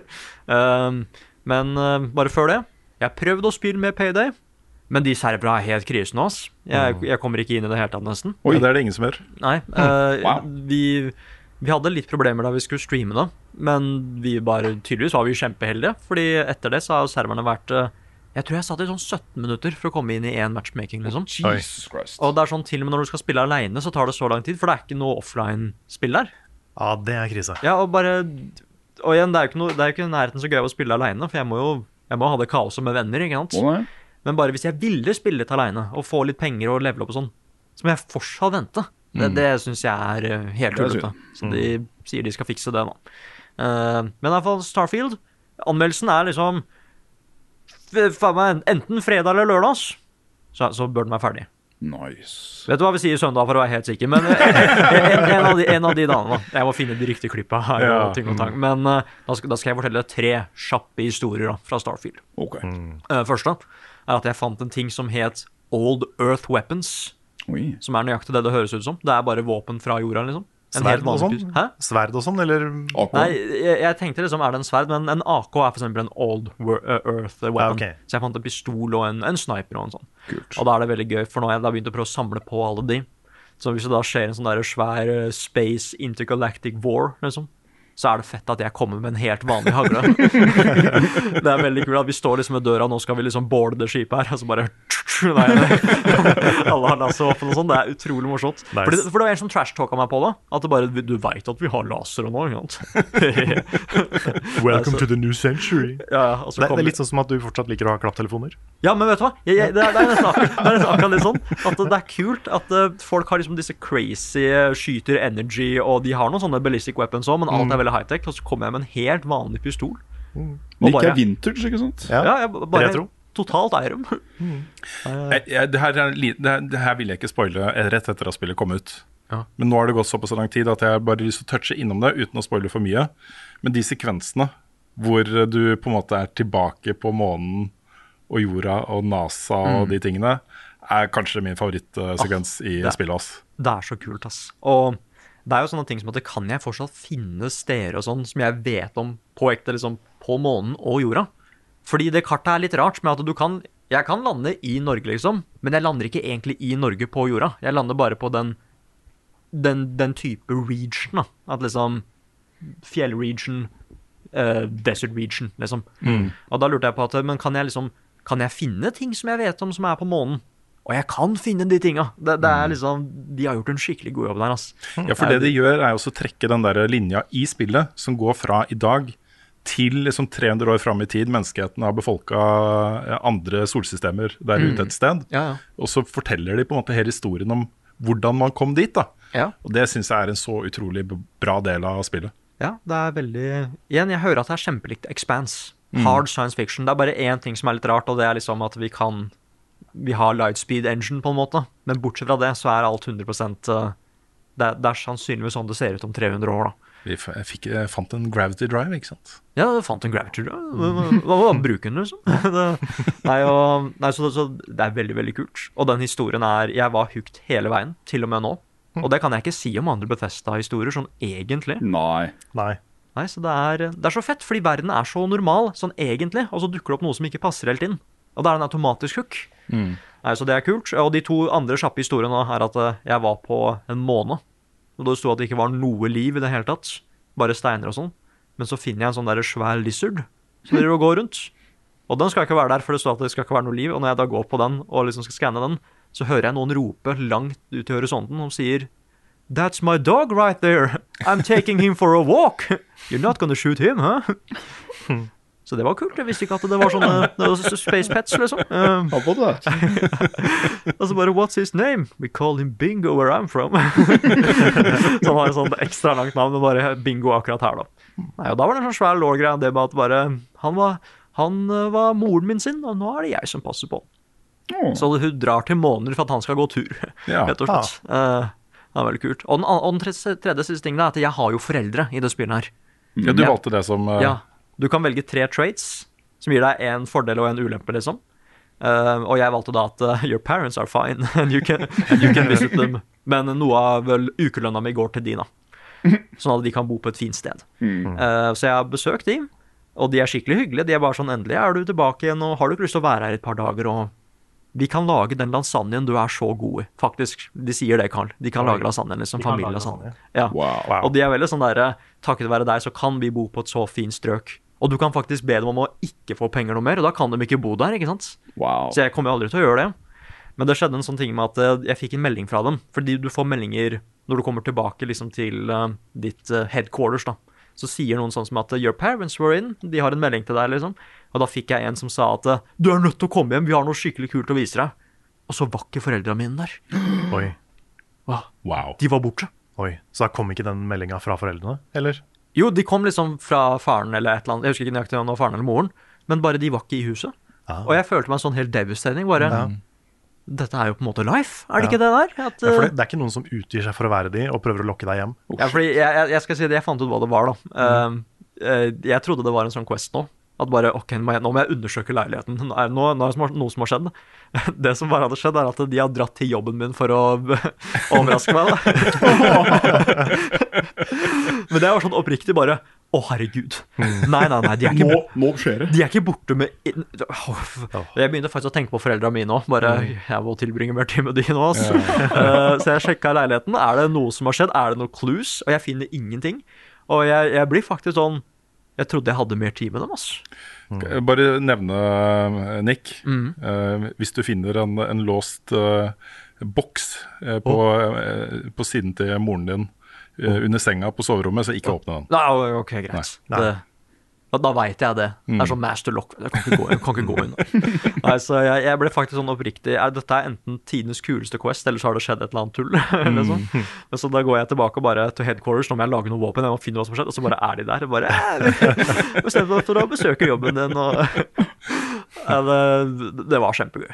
Um, men det, det skjer så mye sånne ting på sida hele tiden som distraherer meg, da. Det er kjempekult. Og noe av det er bare de, de har en vanlig samtale om et eller annet, og så blir det plutselig en sidequest hvis jeg skal sjekke ut hva det er. Så jeg, eh, jeg liker det kjempegodt. Altså, ikke, ikke for at du skal ha med dette i anmeldelsen, for det kommer du ikke til. Men jeg vil anbefale deg å spille helt gjennom først, før du, ehm, før du bestemmer deg 100 Ja, ja, ja. Fordi ehm, det er ikke over. Nei, ok, greit. Det er ikke over når, eh, når eh, rulleteksten kommer. There's a new galaxy. Nei, men eh, jeg, jeg skal gjøre det. Jeg skal ikke si noe om hva det er, men, eh, men jeg, har- det er mange som har eh, eh, sendt meg spørsmål om hvor mye jeg har gjort etter rulletekst. Ok. Det er en sånn egen ting da med dette spillet som, Mm. som, er liksom, som starter når du er ferdig. Å, det er kult. Nei, fordi åh, jeg elsker bare vendingene det tar nå, ass. Det er jo så kjempestilig. Så ja, det kommer en anmeldelse. Den er rett rundt hjørnet, ass. Rett rundt hjørnet ish, sånn cirka, kanskje. Mm. Akkurat i tide til Spiderman 2. Ja, fordi vi- nå, nå er det nå er det kanskje straks bare Tenk hvis vi får kode tidlig nå. Hæ? Så kommer Assassin's Creed og Sonic Superstars, og det kommer så mye nå. Lords of the Fallen Lords og of the Alan Wake Fallen 2 kommer, og... og- Super Mario. Rett og slett bare good times. Forza, motorsport. Det har jeg fått kode til, forresten. Oi. Så der blir det noe. Vroom, vroom. Ørn, ørn. Har dere prøvd vann fra springen? Jeg har sett en ny TV-serie ja, nå, vet du. Dette albumet må dere høre. TV-spill er ganske stas. Det er en serie som foregår in space. YouTube.com, der er det en kul nettside. Level Ups anbefaling. Det er tid for anbefaling nok en gang. Og Nick, du har en anbefaling. Ja, så, ja, jeg har jo det, da. Ja. Å, tenk hvis jeg kommer med anime en gang til nå, hæ? Mm. Det er ikke en anime. Det er on brand. Men jeg, jeg, hadde, jeg hadde hatt det. Nei, nå skjer det en sånn der svær serie uh, Shenanigans sj- sj- Kavalkade. Ja, det kommer masse greier straks nå. Mer av The Boys, Castlevania. Den Ja. der nye skrekkserien til han som lagde det der eh, eh, Man Manor Hills eh, something, something. Jeg husker ikke helt hva det heter. jeg, Men, ja, Haunting of Hill House. ja, ja, ja, ja, ja. Den kommer, den høres, er kjempe, den høres tydeligvis kjempekul ut. Og masse stilige greier. Da vil jeg først også bare ha, ta en sånn eh, Jeg må testifye en annen, anme- en annen anbefaling. Og det er Cobra Kai-anbefalingen Ja. til Carl. Du har begynt å se på Cobra Kai? Ja, ja, ja. Jeg er eh, jeg, midt i sesong tre er jeg nå. Skikkelig anime. Ja, det er så Det er- anime. Jeg har aldri sett en serie som ikke er anime, som er så anime. Nei, og jeg elsker liksom at jeg hadde ledd av det hvis jeg ikke hadde visst konteksten. Mm. For det er bokstavelig talt om at én kan bare gå og gjøre sin greie, liksom. Ha en helt vanlig hverdag, men så dukker det opp noen fra Karate Kid-serien. Mm. Og da er bokstavelig talt sånn Å ja. Hva er det du gjør her, hæ? Bare alt det gamle kommer tilbake, liksom. Ja, ja, ja. Han får sånn Vietnam-flashback av å se Cobra Kai. Ja. Men liksom bare, å herregud. er, det- er, vi- er vi tilbake der igjen, altså? Men det er, det er, det er skikkelig sånn Altså, det er, det er bra drama, og det er veldig kult, liksom. Men det er skikkelig Det er skikkelig smart storytelling. Det er det. det. Det får deg til å bry deg så utrolig mye om karate. Altså Ja. om den, det som alle karakterene i serien bryr seg så mye om. Mhm. Nei, og, og jeg syns det er en sånn genistrek at hovedpersonen er skurken fra Karate Kid 1. Ja. Jeg, jeg, det er kjempesmart. Og nei, he- spesielt hvor ting går hen nå, da. Mm. Fordi det skal jo bare være positivt òg, men det er jo mye negativt med den åssen han ble trent opp òg, ikke sant? Nei, så jeg syns han er en utrolig kul karakter. Han, er jo, han starter jo i serien som et skikkelig rasshøl. Mhm. Sånn, han- faktisk ikke bare en sånn sjarmerende rasshøl, men et, et, en dust. Han er jo sånn rasist mot en av hovedpersonene helt i starten, og han er liksom langt nede. da. Mhm. Men den, eh, den story-arken hans er jeg veldig glad i. Ja, og bare du skjønner at det, my, mye av det var ikke bare hans skyld òg, på en måte. Og det kommer veldig fort fram i serien. Og nei, jeg, jeg liker han. Han har layers, rett og slett, den karakteren her. Ja, ja men jeg, jeg syns de er gode på det. Det å liksom mikse opp historiene og sette karakterer sammen. Og måten de påvirker hverandre på. Mm. Og du har jo liksom det rivaleriet mellom Daniel og Johnny Ja. hele veien. Måten det utvikler seg på. Det er så mange, sånn, det er så mange ting du vil se, Ja. og så bygger det seg opp. Og så får du den derre Hva er et norsk ord for catharsis? Det er fett. Forløsning. Forløsning, kanskje. Du får en forløsning, Ja, ja. for du, ja, du, får den, du får den forløsningen. Ja, det høres men- litt ut som å bæsje. Ja, men, men du gjør jo Nei, Enormt. fordi det, jeg, jeg, jeg blir så skuffa over de seriene som prøver å bygge opp en kul sesongavslutning, og så er det bare nok en episode av den serien. Ja. Men, Sånn. men her så er det liksom bare De starter alltid med en konflikt på starten av sesongen, og så bygges det opp, og så leverer det hver gang, da. Det er liksom Jeg sier det bare etter å ha sett to sesonger, liksom. Men de er så flinke til liksom at dette her er finaleepisoden også. Så her kommer det til å skje masse, masse svære ting. Nei, så det er eh, ordentlig bra, ass. Jeg jeg gruer meg til det er ferdig, for jeg ser to episoder hver dag. Så, Ja. så jeg har ikke så mye igjen, egentlig. Det kommer én sesong til, da. Ja, jeg hørte det. Den siste. Siste. Ja, det er kult. Det, nei, så, så, så, så ja. Dritbra anbefaling, altså, ass, Carl. Det er litt morsomt. Det, var en sånn derre- det hender at jeg ser noen klipp fra sånne roasts i USA. Ja. Det var en av de hvor, eh, hvor Ralph Macchio var gjest. Mm. Og han ble så roasta fordi han var en nobody, nobody liksom. Hva Ok. gjør du her? Mm. Dette var jo før Cobra Kai eh, tok av, ikke sant? Det er litt morsomt å se. Mm. Hvor han var liksom Ja. Men det er litt rart, det der, fordi nesten ingen fra Karate Kid har gjort noe etterpå. Det er sånn, Alle de skuespillerne som kommer tilbake her, har jo på en måte bare vært borte i mange mange år siden da. Ja, bortsett fra Elisabeth eh, Shue, da. Mm. Ja, hun, ble jo en stor skuespiller etterpå. Det er sant. Men, eh, men de eh, Det er på en måte det de har vært, og det de har gjort. Mm. Og så mange år etterpå så er de Ja. tilbake i de samme rollene, men nå med liksom en, en helt annen vibe. Nå er det mye mer eh, Det er feil å si down to earth, fordi det er veldig sånn eh, Hva hva var det du sa? Larger than Larger life. than life, ja. ja. Ja, og det er jo ikke et troverdig univers, sånn realistisk-messig, men men de har likevel gjort det så mye mer menneskelig. Mm. De, tar den der, de tar utgangspunkt i den der 80-talls cheesy greia, og putter den i 2023 i en mye mer sånn jeg, jeg vil si realistisk, men det er ikke realistisk. Men det er mye mer menneskelig. Mm. De har gjort dem til mennesker, på en måte. Nei, ikke det er- bare stereotyper. Ja, og det er samme grunn til at liksom sportsanime òg. At det handler bare om den ene tingen, og så Mm. begynner det å påvirke hele verden rundt dem. ikke sant? Mm. Ja. Så jeg tror alt kan løses med volleyball i haiku. ass. Liksom alle konflikter og sånn. Og det, det er på en måte det i karate òg, med Cobra Kai. Men jeg innser at jeg burde kanskje ha sett to og tre én gang til da, før jeg starta på Cobra Kai. Ja, for alt er relevant. Ja, jeg, jeg, så- jeg så den første før jeg starta på Cobra Kai, Mm. men jeg ser nå at eh, shit, jeg burde kanskje sett de andre òg, for nå, nå begynner det å bli relevant. Ja, Eh, jeg, har ikke, jeg har ikke sett de siden jeg var liten, jeg heller. Nei, jeg- Men det er likevel sånn derre du, du husker bruddstykker av det, Mm. og da er det så kult når du kommer tilbake. Ja, ja, ja. Nei, så det er eh, sk- skikkelig kul serie. Jeg, Mm. lik, jeg liker det kjempegodt. Men den faktiske anbefalingen av dere, den er jo ikke ny. Jeg har faktisk liksom snakka om det før, men jeg veit bare ikke om jeg har anbefalt det. Eh, for det er jo ikke en ny serie, men det er eh, midt i Ja, Prosit, Mm. kanskje? Eh, det er eh, midt i sesong to av denne serien. Og det er The Wheel of Time, dere. ja. Ja, er det- er det fortsatt bra? noe? Hæ? Er den noe? Ja, fordi nå skal dere høre. Ehm, den første sesongen Jeg likte den veldig veldig godt. Mest fordi at det var kult å bare få en ny fantasy-serie. Har du lest bøkene? Ja, fordi her kommer greia. da Jeg har ikke lest noe av bøkene. Nei. Og folk sier at eh, hvis du ikke har lest bøkene, så er sesong én ganske bra. Det, det, er veld, det er bra fantasy. Men har du lest bø den første boka, så vet du hvor mye de kanskje mangler i sesong én. Er det jeg har hørt. Um, men det som er kult med det, er at um, jeg likte sesong én veldig godt. Og det tok to år siden sesong to kom, men nå er de på et sånt punkt hvor de faktisk begynner å følge bøkene tydeligvis kjempebra, da. Og jeg hadde lyst til å anbefale den, fordi den episoden som var nå, var noe var så kul. Det, er- det er sånn Game of Thrones-level-kul, da, da de første fire sesongene var. Jeg Ja. kjenner, jeg kjenner liksom at dette her må da være fra bøkene, og så går jeg på IMDb for å se, og bare Now they're nailing it, sier Ok. de det i Ja, sesong to. kult.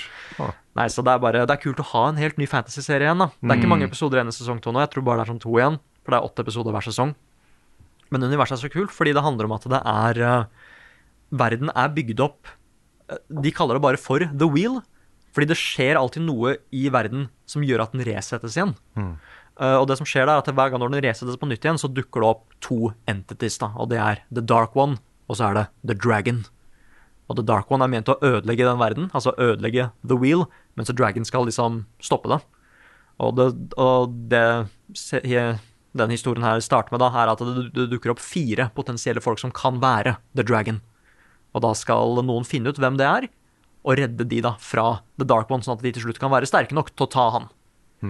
Og det er eh, Nei, det, det er skikkelig det, det er en utrolig spennende verden. Magien er skikkelig kul. Ja, nå ble jeg eh, hypp på å se den. Den har vært helt ute av radaren min. Jeg, jeg har sett sesong én, men jeg har ikke Jeg har bare, ikke s- engang giddet å gjøre det. jeg bare hørte starten på sesong to ikke var så bra. Så det er ikke begynt. Mm, Ja, ja fordi jeg syns, jeg syns starten var Den var veldig, veldig, bra på, veldig bra på starten, den starten, men så gikk det veldig ned igjen, for nå må de begynne å bygge opp ting på nytt igjen. Ok. Men der de er nå, nå føler jeg at nå er, liksom, nå er de bygd opp ferdig. Og jeg gleder meg så mye til neste episoden, ass. Fordi det er, eh, det er mer fantasy enn det Game of Thrones var og sånn. Ikke helt Ringenes herre, men de har fortsatt den brutaliteten som Game of Thrones har. Og um, jeg syns det er en utrolig kul kombo, ass. Så jeg eh, igjen har ikke lest bøkene, men jeg hører liksom at de fra, som har lest bøkene, sier at nå begynner de faktisk å gjøre det kjempebra, da. Så igjen, kanskje sesong én ikke er den beste hvis du har lest det, men jeg vil fortsatt anbefale den nå. Fordi sesong to er eh, Sesong to begynner å bli så kul nå. Her kommer nyheter. Og han har ikke hår. Så kort tid eh, tilbake som august, så kunne deltakerne på Gamescom i Tyskland eh, spille et eh, nytt spill fra Creative Assembly som heter Hyenas, utgitt av Sega. Nå er spillet kansellert. Oi. Oi. Eh, Dette er jo det kjente spillet som ble kansellert. Sega sier at de har bare gått gjennom hele porteføljen sin, eh, sett på potensiell lønnsomhet, og kansellert både dette da og flere i- ikke-annonserte spill. Wow. Og Dette spillet her var jo liksom spillbart og ferdig, nærma seg ferdig. Dette må jeg nesten google. Ja, det, det har sett ganske kult ut. Det er en sånn space shooter. Um, eh, om det, jeg husker ikke om det var en eh, jeg, jeg tror det er en sånn der type extraction shooter. Ja, Var det Space Shooter? Var det det var? Ja, det er forrige gang det er sånn Zero Gravity og sånne ting. Var det tror jeg. Hyenas det het? ja, nå- Det er mulig at jeg blander med et annet spill. Ja, for jeg husker at det var sånn her veldig attitude extraction shooter-opplegg, i hvert fall. Ja, ja men det t- foregikk ikke det på Jo, romstasjoner jo, jo, og det kan, sånt? Kan stemme det, altså. Jeg bare forvinna det mest med sånn der eh, litt mer sånn payday-aktig vibe. Ja, det kan hende at jeg bare blander det med Ja, et det eh, annet så spill. litt sånn ut. Ja, Men uansett, da. eh, Dette er jo et spill som det har blitt laget trailere for. Det er eh, Folk har spilt det. eh, Og det blir da kansellert. Eh, Ja. det- Dette er jo da utvikla som nevnt eh, Creative Assembly. Det er jo de som står bak Total War-serien. Og Mm. et eh, nytt dristig forsøk på å liksom branche ut og gjøre litt andre ting. Eh, Dette er jo et ordentlig slag i trynet, da. Mm. Eh, Det er jo Mm. Ja, Sega som det vet eier du. Creative Assembly. Vi også har jo opplevd det her med Fable Legends. Ja. Spilte jo vi på E3, og det kom jo aldri ut. Jeg har til Gjorde og med ikke det? Fable Legend T-skjorte. Det er eh, Oi. Mm. ganske sprøtt. Og da må dere kaste den. Den kan være verdt mye, den. Ja, den er, jeg har- har tatt den opp på meg på E3-sendinger og sånn. kult. Playhyenas.com er fortsatt online. Det er fortsatt online, ja. Join Hyenas, add to Steam wishlist, eller Ja. eh, se på gameplay. Tror jeg. Ja. Nei, dette skjedde jo i dag, så Wow. mm, der blir det jo sikkert oppsigelser og krisestemning i Creative Assembly, så det, det er jo ikke noe hyggelig beskjed å få, Nei, selvfølgelig. det er jo ikke det. Eh, en kjent eh, figur eh, i eh, spillnyhetene er eh, PlayStation-sjef eh, Jim Ryan, som har vært eh, hos Sony i eh, snart 30 år. Nå har han annonsert at han skal pensjonere seg. Hmm. Mm. Det Ja. skjer i mars neste år. Ok. Um, utrolig trivelig fyr. Jeg møtte han Jeg har intervjua han i hvert fall én gang, kanskje to. I hvert fall en gang jeg var i, i Sverige for å, i forbindelse med lanseringen av PlayStation Vita, tror jeg det var. Um, utrolig hyggelig fyr. Sånn jovial eh, type som ja, eh, det overrasker meg litt at du sier, faktisk. Jaha. For Han fra, jeg syns han framstår som veldig sånn corporate og kald. Og eh, Ja, Han var veldig varm og god å snakke med. Ok. Ja, men han, eh, det, er, det er sikkert, eh, sikkert eh, noe i det du sier også, det vet jeg ikke. Men mitt inntrykk er at han, eh, han var det veldig lett å snakke med. Ok. Eh, Så ja. Eh, Han har jo vært med på hele reisen da, til eh, PlayStation i Sony, i forskjellige stillinger. Du har lov til å pensjonere deg, da. Da har du nok eh, lov til å pensjonere deg. Og så er eh, Counter-Strike 2 nå eh, offisielt ute for alle. Oh. Mm. Det har, eh, nå fjerner de eh, liksom Global Offensive. Det erstatter eh, Global Offensive og blir på en måte count Dette er Counter-Strike. Dette er jo en gratis eh, Det er fortsatt free to play. Og hvis du har eh, Global Off- Offensive fra før, så blir det bare automatisk gjort om da, til Counter-Strike Ja. 2. Mm, ja, for det er, det er døpt om til Counter-Strike 2. Ja. Og dette er jo da en eh, full rework av eh, fysikk og, og effekter og sånt. F.eks. smoke bombs, som nå kan fylle hele ganger fra gulv til tak. Ja, den er kul, ass. Ja, det er veldig stille. Um, og f- på lansering nå, da, så er eh, mappene Mirage, Overpass, Vertigo, Ancient, Inferno, Nuke, Anubis, Anubis eh, Dust 2, Office og Italy inkludert. Dette her påvirker jo selvfølgelig eh, våre eh, venner i Good Game mye. Eh, De har en eh, CS-liga. Eh, Jeg vet ikke helt om de nå switcher over, de må nesten gjøre det, til eh, CS2. Ja, for det, det er et nytt spill, liksom? Ja, så det er jo den samme gameplay, liksom. Det er, og de samme mappene og Ja, for Dust kjenner jeg igjen. Ja, altså dette er jo eh, velkjent, for å si, for å si det sånn. Mm. Det er mer en sånn der visuell og litt sånn behind the scenes eh, teknologisk eh, oppgradering Ok. enn noe nytt, egentlig. Counter-Strike 2.0. Ja. ehm, kunne nok ha blitt kalt det isteden. Ja. Det er litt morsomt med navnegreiene i Counter-Strike. Fordi Først var det jo Counter-Strike eh, beta 1.5, var ikke den første som var ute? Eller var Noe det sånt. 1.3? Husker ikke. Og så kom jo Source etter hvert. Ja, Så kom Source, og så kom Global Offensive, og nå CS2, da. Source var siste gang jeg spilte Counter-Strike. Ja. 99 ble vel det lansert første Ja, gang, tror noe jeg, rundt der. som en mod til Half-Life. Ja. Og så kommer da Horizon Forbidden West til PC i starten av neste år. Ok. Eh, Den pakka som kommer, er det som kalles da The Complete Edition.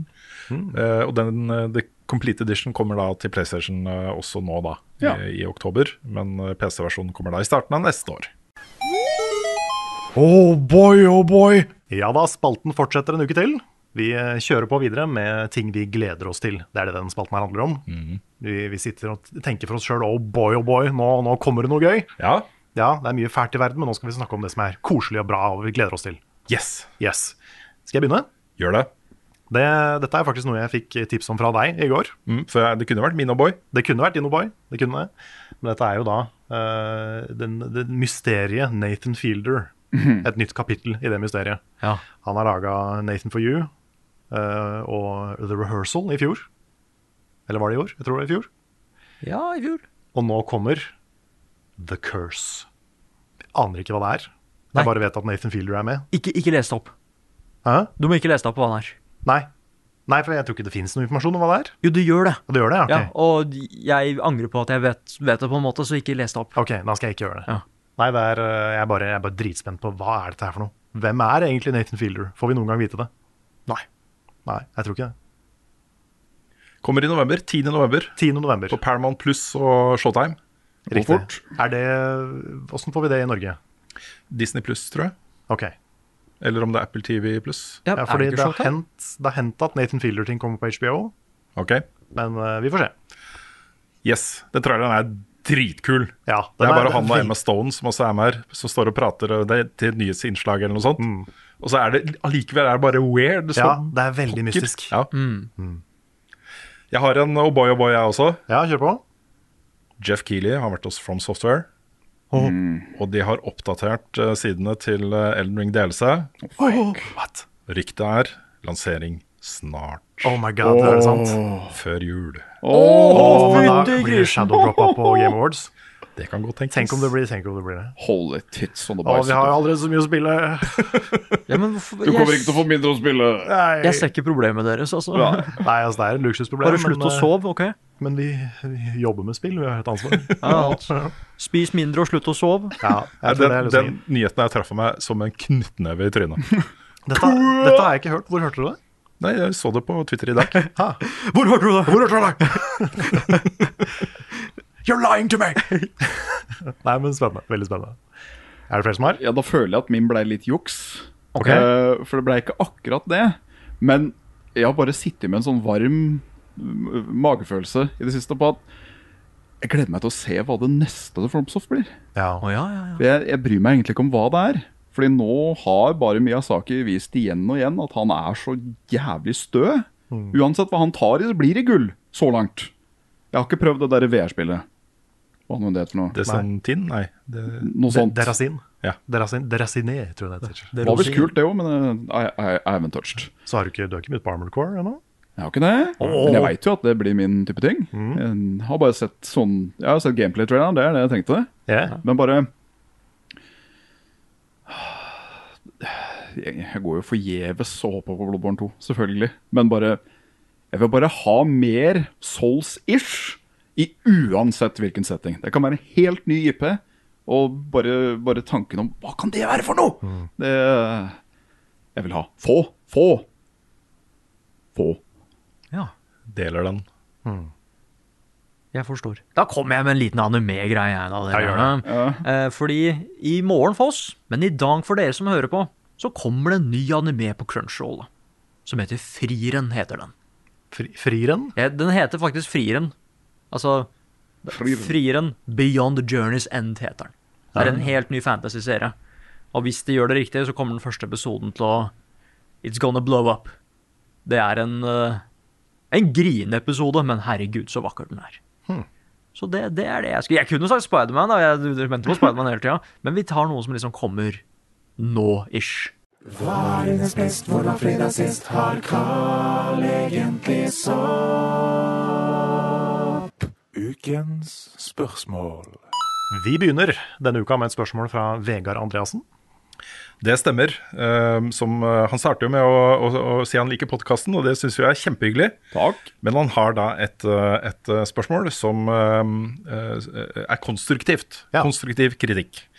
Hva tenker dere rundt det å lage livepodder? Å nei, han brukte ordet podder. Å, han brukte podder. Ja, Livepodkaster, lik den siste uke. Kontra den normale podkasten. Siste episode preges av mye bakgrunnsstøy og tidvis høye lyder fra noe som minner om flipperspill. Mm. Har dere noen dialog innad på huset om hvordan kvaliteten på podkasten blir til lytterne som ikke sitter i salen? Og det har vi. eh, Og dette er jo noe vi alltid snakker med arrangørene av livepodkaster om på forhånd. Og sier at eh, hvordan er opptaksmulighetene, blir det bra, er det mye støy Mm. osv. Og så er det jo ikke alltid ehm, eh, Alltid det er liksom så eh, bra som vi hadde håpet det skulle være. Eh, Nei. og vi har, dette er ikke den eneste gangen vi har liksom kommet tilbake fra en liveting og opp- og oppdaget at det er ting med opptaket som ikke er helt bra. Nei, folk har kanskje litt forskjellig definisjon på hva som er bra nok lyd. Ja. Ehm, vi ehm, Akkurat i dette tilfellet så følte vi oss trygge på at det kom til å bli bra nok til å ha en vanlig podkast. At det kunne bli ukens episode. Mm. Og da måtte vi nesten gjøre det sånn, fordi ehm, Ja, ellers så måtte vi bare spilt inn to podkaster denne uka. Ehm, og det hadde vi ikke tid til, ehm, rett og slett. Mm. Så, ehm, så vi ønsker jo selvfølgelig at lydkvaliteten skal være like bra.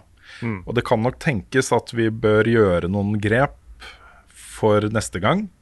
At vi sørger for å kanskje ehm, Vi har jo en sånn røde podkaster som vi kan eh, ta med oss rundt omkring.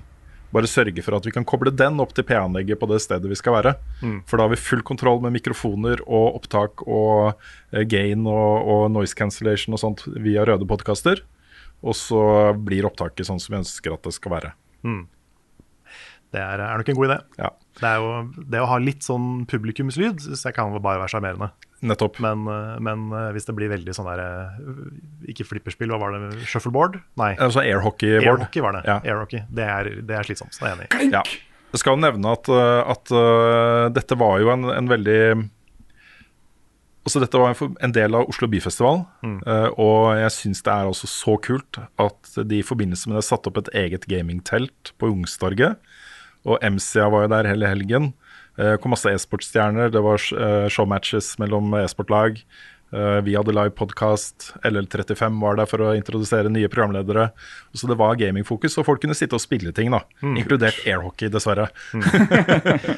men, men eh, det å takke ja til å være med på noe sånt er en selvfølge. Det er jo kjempekult at, eh, at vi eh, kunne gjøre det. Og det var utrolig gøy å se at de, de måtte jo hente inn flere benker, og det var masse folk. da. Eh, Vi snakka med mange av de etterpå, og før. Og det var kos for oss. Veldig, veldig hyggelig. Det er jo eh, alltid en utfordring det der med å både skulle ha et liveshow og et opptak samtidig. Mm. Det har vi merka med når vi har hatt sånne jubileumsstreams og sånn òg. At eh, vi hadde jo de første eh, med livepublikum i tillegg til å streame det. Og det blir veldig ofte en dårlig opplevelse for én eller to av to. Ja. Så eh, Derfor så har vi ofte valgt etterpå da, eh, å bare kjøre stream eller bare kjøre show, Ja. og ikke gjøre begge deler. Nettopp.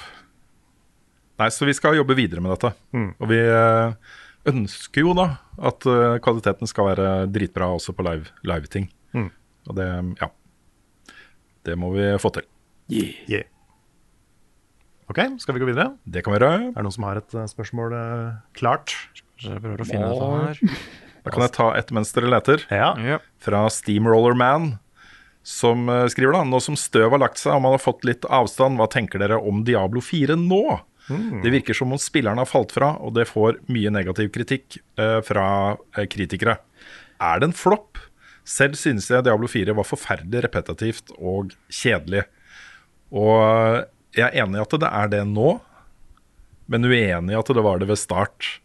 Og eh, det å spille gjennom campaignen med deg, Svens, var jo dritkult. Ja, det var jo det som var Diablo 4. på en Ja, måte. ja, ja. Hver gang når vi sa sånn Du, har litt i Oslo her for middag, skulle ikke Så tok vi Ja. en dungeon eller to. Det Ikke var sant? bare kjempegøy. Ja, det var ordentlig gøy. Og da vi fullførte jo først campaignen, og så eh, var vi jo Altså, du kom jo dit litt før meg, da, eh, til level 100. Mhm. Eh, Men da kunne jo du booste meg litt, og sånt Og så kunne jeg booste altene dine litt. Nettopp. Og, så vi holdt på, holdt på en god stund Ja, etter. det, det var veldig hyggelig. Ja, Veldig det var gøy. kjempehyggelig. Så helt fram til å bli level 100, så syns jeg Diablo 4 var bra. Og så jeg ga det jo terningkast fem i min anmeldelse på NRK. Du ga det åtte av ti. Mm. Ja, og jeg står, jeg står for den.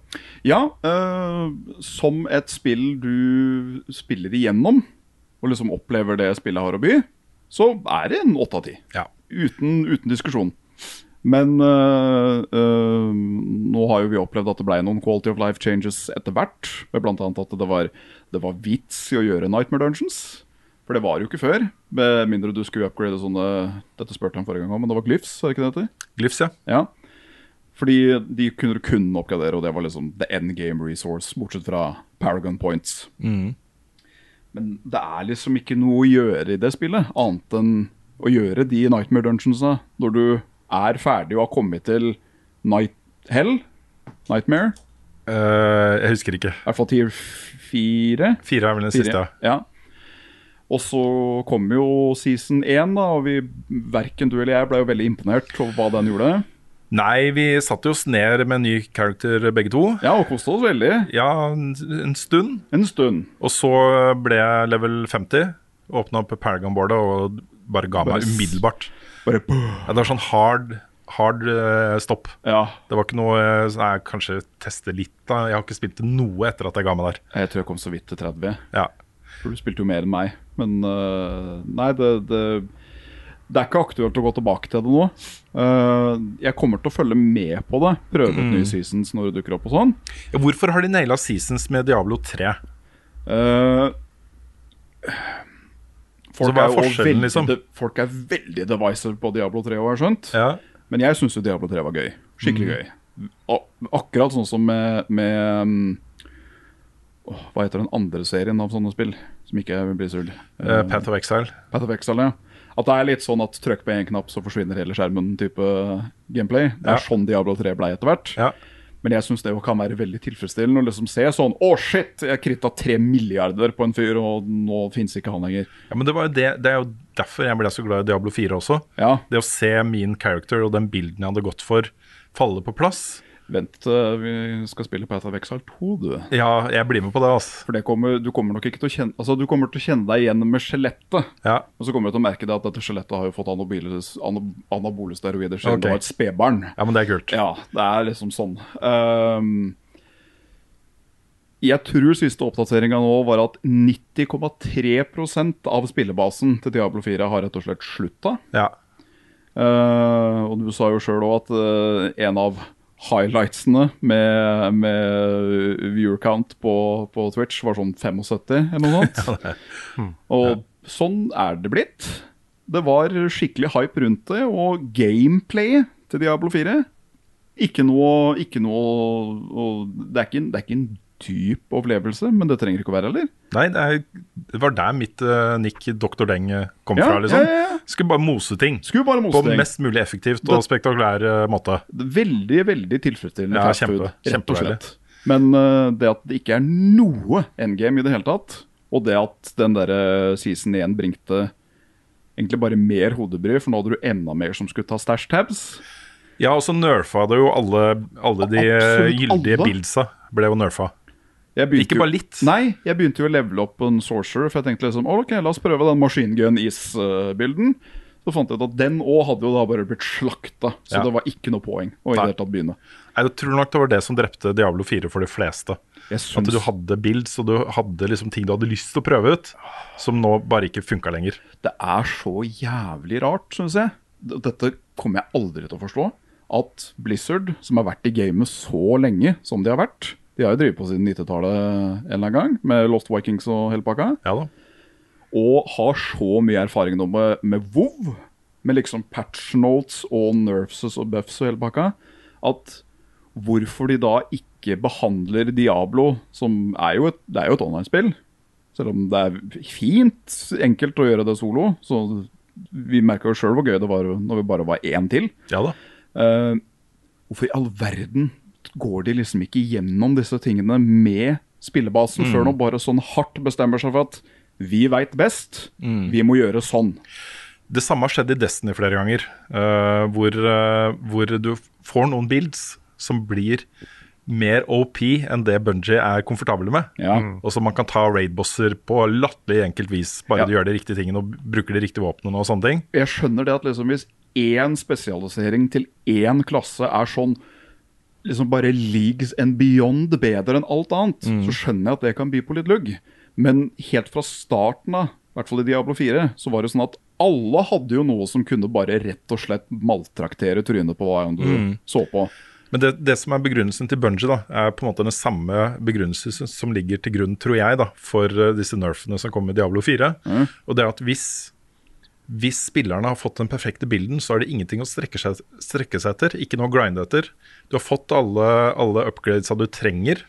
Du trenger ikke mer, og da mister man interessen. ikke sant? Så man må finne en balanse hvor det å, å finne nye ting å strekke seg etter, eh, samtidig som det fortsatt er mulig å bli OP da, i en sånn type spill, er liksom en utrolig vanskelig balansegang. Eh, og eh, jeg mener jo at Bungie ofte har lykkes da, når de har, eh, har håndtert power creep, som det kalles, Mm. eh, ved å introdusere nye ting og strekksetter som ender opp med å bli gode erstatninger. da. Mm. Eh, men her var det jo ingen erstatninger. For det de nerfa, var jo f.eks. vulnerability. Ja. Altså eh, statuseffekten vulnerability. Hovedstaten til Hovedstatene, damage, rett og ikke slett. sant? Og da kommer det jo ikke så langt, da. Nei. Uansett hva de bygger for, ikke sant. Så nei, det, Fun Police må gå gjennom statuttene sine, rett og slett. Det fins bedre måter å gjøre dette på. Ja. Og jeg er ikke gamedesigner. Nei. Men jeg kommer tilbake på delelse. Og som faktisk Ja, ja, ja. story-delelse, så skal jeg spille mer Diablo. Når det blir en expansion, så, så må man jo, man må jo se hvor dette ender. Vi har jo fortsatt eh, hun, hun lille jenta som jeg ikke husker navnet på, men eh, hun skulle jo gjøre et eller annet med Ja, hun stakk et eller annet sted. Med Daddy Mephisto. Vi møter henne garantert igjen. Gjør det. Og har hun da blitt tatt over av Mephisto, eller? Ja, ikke sant. Mm. Her er det ting. Her er ting. Skal jeg ta et eh, spørsmål til? Kjør på. Du, Carl, Ja. kan ikke du ta et spørsmål til? Det var en veldig god idé. Da gjør jeg det. Det er fra Tom Erik Nesse. Han Oh. sier «Ha- Har dere noen planer om å gjøre noe på Sea of Stars? Der kunne jeg gjort en bedre innsats med å gjenskape dialekten. Ja, det er greit. Eh, eh, eller har jeg bare missa at dere har gjort noe på det? Love you guys, og ha ei god helg. Love you det too, var ja. litt bedre. Litt, litt bedre. Ja. Eh, nei, vi har ikke gjort noe særlig på Sea of Stars. Jeg har begynt på det. Er det det kronetrigger-ish? Ja, veldig kronetrigger-inspirerte. Og det, det er veldig bra på Egentlig tror jeg alt bortsett fra én ting, og det er den tingen som er kanskje viktigst for meg. Ok. Og det er storyen og dialogen. Ja, for det var akkurat det Audun sa. ja, for det, det er noe med Jeg vet ikke om det er fordi de som har skrevet det her, ikke, er, eh, ikke har engelsk som morsmål, men det er bare et eller annet med dialogen som ikke funker for meg. Mm. Det er noe sånn oppstykka og rart, og det føles som om de på en måte bytter talemåte for hver setning. Og da sliter jeg så med å komme inn i historien. Det må jeg helt ærlig talt stikke inn som en liten digresjon nå. At det var ikke mye av dialogen i Lies of P som interesserte meg. Nei, det er Og mer- ikke voice-acteren heller. Nei, det, det er er sant. veldig typisk for indiespill. da Men, jeg, men jeg syn, der aksepterer jeg det, fordi jeg syns bakgrunnslåren er Ja, ja, så fett. ja, ja. Ja. Og det de, det de faktisk sier, eh, har ofte liksom en veldig kul implikasjon på opplevelsen Mm. din. Og Jeg er sikker på at hun, der, hun gamle dama på hotellet kunne sagt hva hun ville til meg. Ja. Og det hadde vært spennende. Ikke sant? For hun var bare Åh, hadde så nydelig stemme. Mm. Men i et spill som Sea of Stars, da, Ja. så må jeg ha en god historie. Ja. Det, jeg klarer ikke å komme inn ved- uten.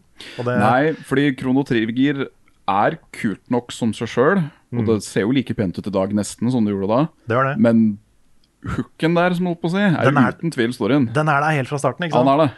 Og det Lies, eh, Lies of P, eh, Sea of Stars er dritpent. Det er sånn nesten på Owlboy-nivå av pixel art. Liksom. Oi. Det er veldig, veldig, veldig pent. Og um, musikken er fin, og kampsystemet er det jeg har spilt av det, er veldig bra. Så jeg har lyst til å spille det mer, jeg har lyst til å komme meg inn i det. Mm. Men jeg klarer ikke den historien. Altså. Nei. Og Jeg er litt sånn lei meg for det. Og så det, det kan hende at det er et sånt spill som faller litt mellom stolene i år. Kanskje noe man kunne streame en gang? Kanskje.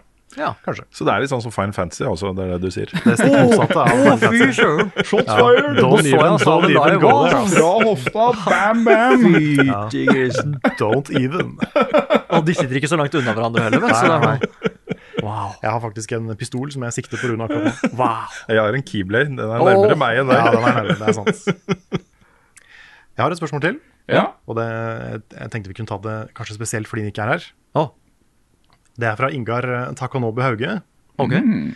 Denne uka lanseres Castlevania Nocturne Å, endelig ja. på Netflix. Men til min irritasjon omtales denne serien ofte som en anime. Her er jeg litt gretten gammel gubbe, for jeg tenker at anime og for så vidt også manga er forbeholdt serier som er utvikla av japansk studio, og som riktignok kan outsource deler av arbeidet utenlands, slik flere japanske studioer gjør. Cyberpunk Edge Runners er dermed anime, mens Castlevania og Arcane faller inn under amerikansk animasjon på lik linje med serier som Batman, The Amazing Spiderman, Avatar, The Last Airbender osv. Hva tenker level-ups animekyndige? Er jeg for rigid og konservativ, eller bør, det være, eller bør vi være litt mer strenge med kategoriene? Hmm. Har jo poeng. Ja, eller altså, det er jo teknisk sett riktig. Det er det. Mm. Er det ikke liksom fra et animasjonsstudio i Japan, så er det ikke anime. Men jeg føler at vi må være litt mer åpne på det òg. Med at eh, hvis, de, hvis, de, hvis klisjeene eller, eh, hvis klisjeene eller måten det er lagd på, er der sammen som det er med anime Mm. så Jeg har ikke noe problem med å kalle liksom Castlevania for en anime. da Den, den Nei. gjør nok til at jeg faktisk kan Igjen, det er ikke anime, men den gjør akkurat nok til at jeg kan faktisk se på som en anime. Ja, Den har liksom alle kjennetegna til anime. Ja, ja, Den ja. samme animasjonsstilen, samme bruken av eh, frames og eh, samme oppbygning. Ja, liksom sa- samme teknikker og masse sånne ting. Og hvis den er blitt gjort sånn, da kan jeg se på den som anime. Det er sånn at Jeg kan ikke se på den Avatar The Last Airbender, for eksempel. Kan jeg ikke helt se på som anime. Nei. Den ser fortsatt litt mer sånn amerikansk eh, tegneserie eller noe Det sånt. samme gjelder vel Arcane. Ja, Arcane er også eh, ikke, ikke anime. sånn- Det, Mm. Nei, for det er en litt annen stil igjen nå. Det er Ja. mer 3D-animasjon. Men uh, stedfest av Ekestad at eh, Cobra Kai var han med? Jo, men for det, det også har alle liksom tropesa til anime. Men det er akkurat det samme som med JRPG, føler jeg. For Ja. Det, det også er et sånt begrep som er sånn Det betyr jo japansk RPG. Ja, det gjør det. Men i Norge har vi laget spill som blir kalt for JRPGs. Mm. Mm. Og uh, Sea of Stars er jo Earth- ikke, ikke Earthlock, japansk. er det ikke det? Earthlock, ja. Ja. Mm. Nei, Det så- er liksom et norsk JRPG. Ja. Ja, ja, så, så- sjangre er litt sånn tricky, ass. Ja, altså. så, så hvis du vil være skikkelig teknisk på det, så er det rik riktig liksom at Castlevania ikke er det. Men øhm, jeg er mer det at hvis du kan øhm, Hvis det er gjort på den samme måten, så har ikke jeg noe problem med å kalle det for anime, da. Så TLDR, du har helt rett, men nei. Men du tar litt feil nå, altså. Nei, Helt men rett, liksom, men helt feil. et godt eksempel er at det, det kommer jo veldig mye liksom, fra Norge nå, norske mangaserier, da. Og noen franske mangaserier har blitt anime. Mm. Hm. Skal vi da ikke kalle det for manga, siden det teknisk sett da ikke ble lagd i Japan? liksom? Og i Japan så blir jo all animasjon kalt for anime. Ja, ikke sant? Det betyr jo bare animasjon. Mm. Nei, så Hmm. nei, nei, igjen, den er tricky, men jeg føler at har du sett nok anime, så ser du hva som også er anime, Mm. tenker jeg da. Og, Ja. jeg, og Castlevania går den vil jeg Jeg har ikke noe problem med å kalle den anime. Nei. Nei, det er på en måte opprinnelse versus formspråk, kanskje. Ja, og når han karen Han skal lage Devil May Cry. Det kom en trailer i går. Oi. Hmm. Mhm. forresten. Ja, og Tomb Raider. Og Tomb Raider, det visste ikke jeg. Skal han lage det? Er Nei, ikke det samme, men det, det, i forbindelse med de Netflix-nyhetene Å ja, kult. så, så var det Devil May Cry, Tomb Raider og så en Blood Dragon-animasjonsserie. stemmer det. Eh, og i forbindelse med det, da, en sånn liten rykte nyhetssak som jeg kan eh, snike inn også. Eh, det går rykter om at det neste Far Cry-spillet vil eh, ta litt nye grep. Hvor eh, du kommer inn eh, på et sted og skal redde en familie som har blitt eh, bortført av noen f- kriminelle. Mhm. Um, og du får 72 timer på deg in game, som tilsvarer ca. 24 timer faktisk tid da, eh, til å eh, fullføre spillet. Og hvis ikke du klarer det på de 72 timene, så r- ri- ris- resettes historien. Oi! Mm, og det syns jeg hørtes ut som et ganske kult konsept. det er kult. Ja, han måtte der. Så jeg ville bare nevne det. I forbindelse med Blood Mm. Mm. Dragon-animasjonsserie også. Ja, mer, mer til det. Det er fett. Mm. Men nei, så når han da også sier at han, skal lyst, så han har lyst til å lage Berserk, liksom Helt herregud, greit. ja. Bare vet du, vet du hva. Å, Bare, bare gjør, herregud. gjør det, altså.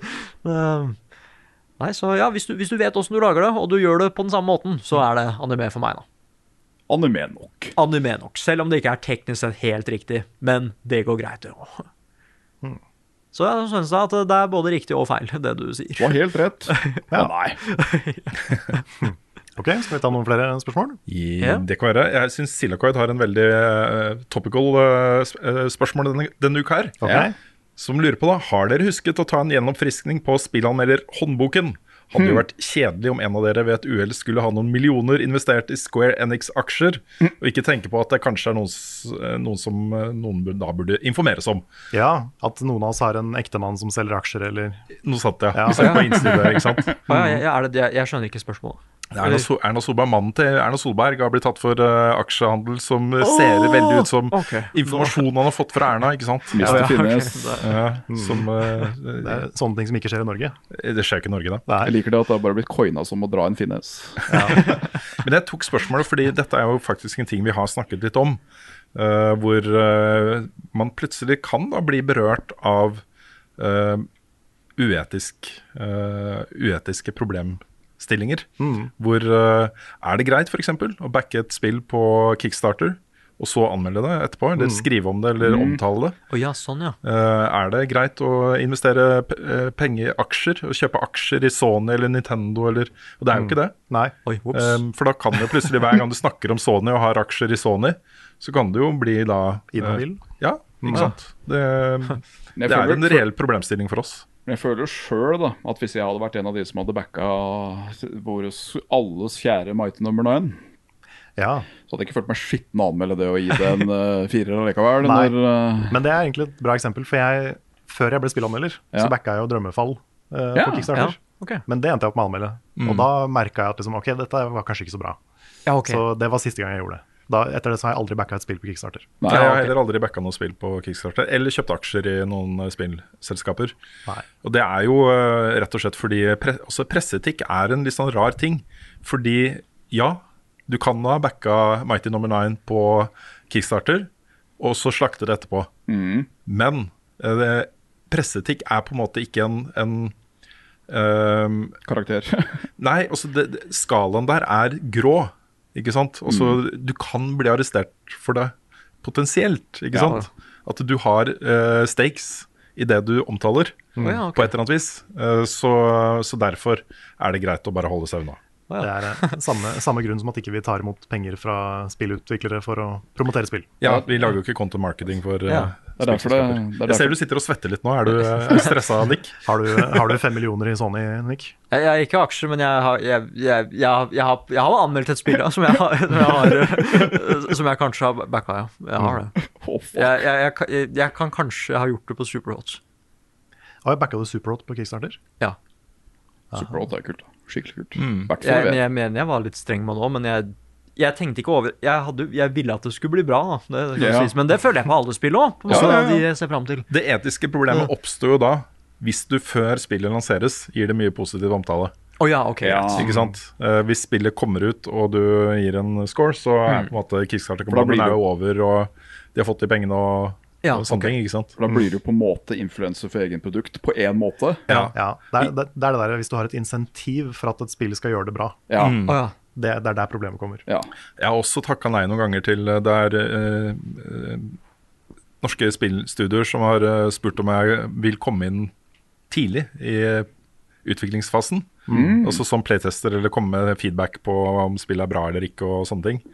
Og det har jeg også sagt nei til, fordi da kan du jo potensielt ende opp med å justere spillet etter mine ønsker og få potensielt da kanskje få en bedre score fordi det er noe jeg liker, ikke sant? Da måtte du skutt og si notaben vært det at Ja, jeg kan teste spillet for deg, men da anmelder jeg det heller ikke. Det, det er helt riktig. Det er helt riktig. Og det, det er jo sånn man håndterer eh, utfordringer når det gjelder presseetikk. da. At Ja, man ok. sier fra seg og omtaler ting fordi man er inhabil. ikke Der sant? fikk jeg et skikkelig sånn instant-dilemma. Ok. Ok. Tenk å liksom Ja, hallo, Svendsen Dess. Eh, Nå kommer Bloodborne 2. Vi vil gjerne ha, vi vil gjerne ha dine meninger om det. Å, fuck, jeg kan være en av de første i verden til å spille Bloodborne 2. Ja, men Da det, kan jeg det, gammel, da. vet du hva? Du jobber da heldigvis i en redaksjon hvor det er minst fire andre som kunne ha anmeldt Bloodborne 2 og snakket om det. You guys are welcome. Du tar støyten, liksom. Ja, ja, ja. Vet du hva, jeg kunne tatt den. Det er helt greit. Det Vi er har jo- helt greit. Vi har jo til og med diskutert det der med å dra på presseturer um, for f.eks. Assassin's Creed. At det da er litt i gråsonen å anmelde Assassin's Creed etterpå. Ja da. Så der også kan det oppstå sånne. Ja, og I VG så var det jo egentlig en sånn regel om at hvis du har intervjuet utvikleren av noe, eller eh, regissøren av en film f.eks., eller skuespilleren i en film, så skal du da heller ikke anmelde produktet. Så, og så Den regelen gjelder jo på, på NRK nå, så jeg kan ikke drive og intervjue de eh, utviklerne av ting jeg skal anmelde. Men det er jo ikke en regel jeg følger slavisk hele tiden. da. Nei, Så Vi har liksom ikke vært nok folk til å kunne gjøre det hver gang. Nei. Nei. jeg har jo øhm, Jeg tror jeg kan nevne det nå, fordi sperrefristen er over. Men jeg, har jo, jeg hadde jo en sånn prestasjon av det nye VRC-spillet til øh, Codemasters. øh, som heter da EA Sports WRC. Øh, Gjorde et intervju med utviklerne også. øh, men det er jo et spill jeg nok kommer til å anmelde. Ja. Øhm, så, så der bryter jeg jo på en måte den regelen tvert. Men eh, øhm, Så en grunnleggende TLD, da. eh, jobber du i Power og har lyst til å gjøre en deal med oss? OK. Ja. Jobber du i Nintendo? Nei. det er helt riktig. Mm. Det Nei, vi eh, har ikke og kommer ikke til å, til å ta betalt eh, også for å dekke spill. Men hvis jeg, hvis jeg kunne gjort en presseetisk Kall det blunder, da. Som hadde gjort at jeg hadde fått så mye penger. Dere måtte selvfølgelig sparka meg. Som jeg da kunne putta penger inn i leveløpet igjen. Det hadde ikke vært feil. det. Å, nå er vi over i Erna Solberg. Men det- men det har jeg tenkt litt på at Ja. altså bare- Nei, men vi møter jo faktisk på den problemstillinga ganske ofte. Som f.eks. når vi får rapporter, partnerinformasjon fra Twitch. Så i bånn av den så står det jo, eh, basert på hva dere har streamet i det siste, så er dette er tre spill som dere kan få betalt for å spille. Ok. Ikke sant? Raid Shadow Legends er jo et av det, selvfølgelig. Men det er også andre ting som vi faktisk kunne ha eh, valgt å streame, rett og slett. Fordi det er aktuelle spill og ting vi liker og, Men Mm, den og sånt. dealen er jo heller ikke bra nok til å si ja til den. Nei, nei, nei. Men vi kan jo ikke gjøre det heller. Nei, selvfølgelig ikke, men det, bare, det er jo Det der er jo ikke noe å tjene på. Nei. Jeg har også sett det er noen som har begynt med sånne der eh, Fantasy Critic Leagues.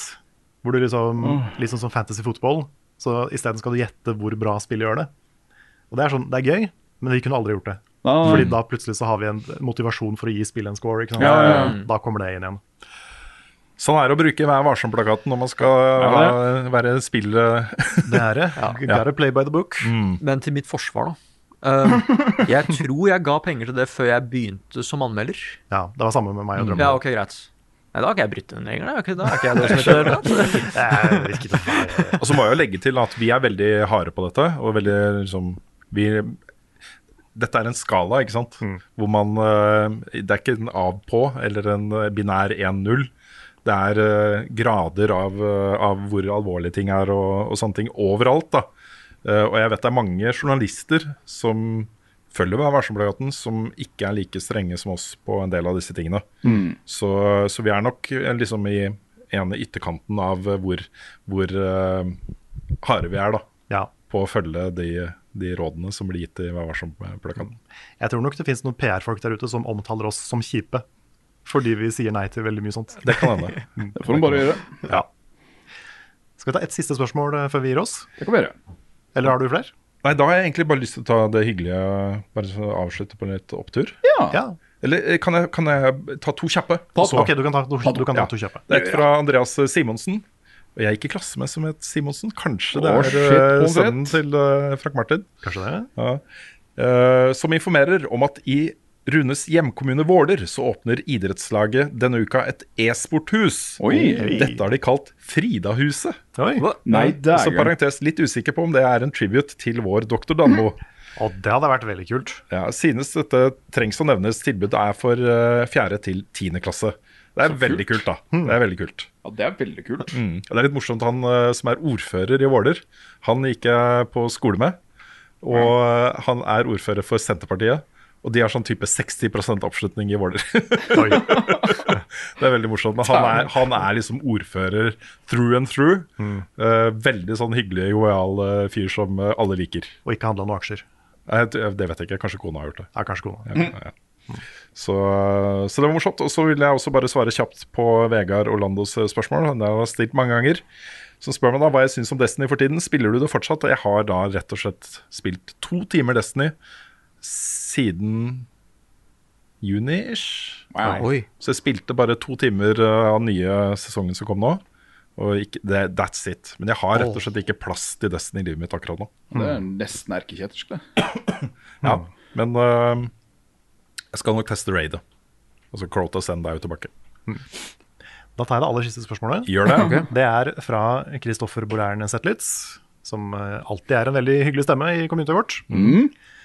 Han eh, spør er dere skuffa over at det ikke blir noe delelse til Tears of the Kingdom. Kan du nevne også bare først at vi møtte, møtte jo Kristoffer og sønnen hans på livepodkasten det var de, ja. vår. Det gjorde vi. Så koselig. Og um, han er jo en av de uh, flotte, varme folka i vårt community som bidrar med mye positivitet. Og det var så hyggelig å kunne se han i ansiktet og si det. Mhm. Fordi han kommenterer alltid på YouTube-videoene våre og, og sånt, og er veldig positiv. Ja, det og det settes veldig setter pris på. veldig, stor pris på. He's a good boy. Mm. Han har en uh, sønn på ni og en datter på fem, som begge to også er level up-fans, sier han. Ja, det er koselig. En ny generasjon med Level Ny Up-fans. generasjon. Det er hyggelig. Men spørsmålet? ja, nei, Jeg ble litt overraska over å høre det. Ja. Fordi det kom jo DLC til Breath of the Wild, opp til flere. Den største kom jo, det var den siste, med motorsykkelen og en ny dungeon. Mhm. Støv. det, vi trenger jo ikke noen motorsykkel nå, for nå kan vi bygge den sjøl. Jepp. Men, eh, men jeg hadde håpa på noe, egentlig. De har sagt at de isteden har begynt på neste spill, så det er jo ikke feil, det. Neida. Nei. Men eh, jeg tror jo da at det kommer en master mode, i hvert fall. Mm. For det er mer en sånn der eh, adjust the numbers-ting. Ja. Og jeg mener folk også har datamina seg fram til at det fins eliteversjoner av fiender Ja. som ikke er med i spillet nå. Ok. Aha. Så det, det kan jo kanskje fortsatt skje, da. Elite White Lionel. Ja, for jeg tror det er en av de. Ok. Eller det er vel sånn gold, er det ikke det? kanskje gold det. Lionels, for du har silver, og så er du gold Mm. over der. Ja. De er bare med i master mode i Breath of the Wild, tror jeg. Ja. Så det tror jeg kommer, da. Mm. Skyttig pommes frites. Men at ikke det kommer noen nye Zona i parts og ingen nye sånne ting, det er jeg litt overraska over. Men jeg føler de var ferdige, da. Det er jo et veldig komplett spill, det er et dritsvært spill. Mm. Så det er jo nok content for all del. Mm. Men ja, det er, eh, jeg er så glad i det spillet at jeg hadde elska å få mer. Det må jeg innrømme. Sånn er det. Og så bare før vi eh, tar eh, rulletekst og sånn, Carl. eh, det er bare benytte anledningen til å gratulere Ole Kristian Rudstaden, som gifter seg på lørdag. Hei, Oi. gratulerer. Han spør om han har noen tips da, eh, Mm. til den store dagen og livet som gift. Nei.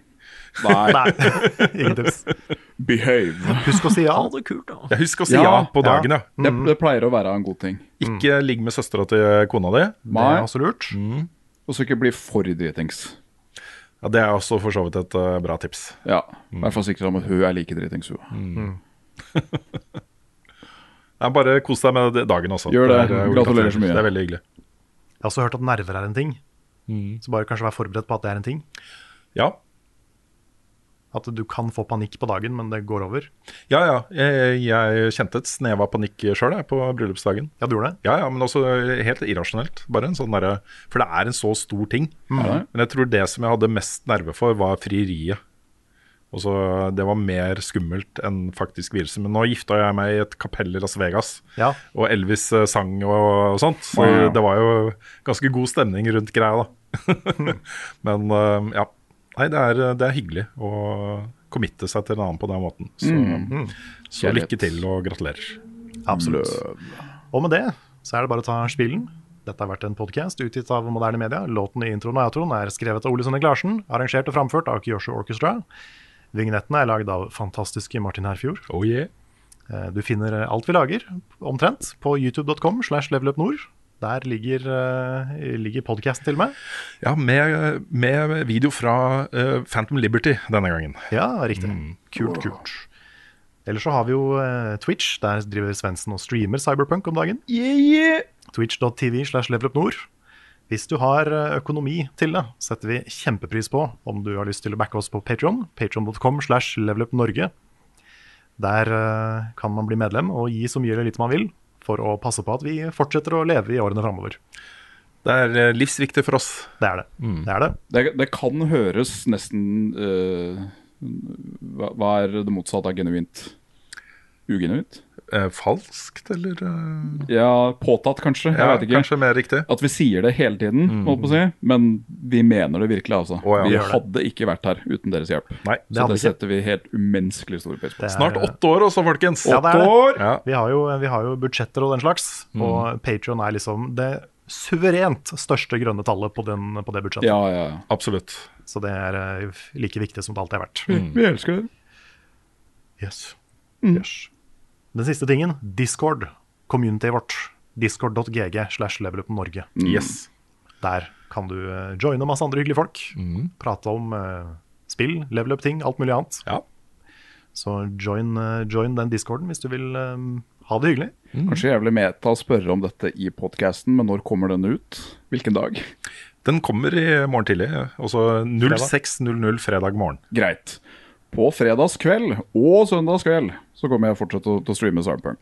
så Alright. møt opp, møt opp hvis du har lyst til å se meg bruke mennesker som mitt beste våpen. Du, Hvis jeg ikke er der eh, når du streamer, og du skal gå inn i Dogtown, kan ikke du sende meg en melding? Så prøver jeg så godt jeg kan å kaste ut koner og barn og Mm. komme Ut! Svendsen skal denge! Og igjen, prepare your butts for, eh, for fredag den 13. Ja. Yes. Da blir det 24 timer stream. Mhm. Det blir bra.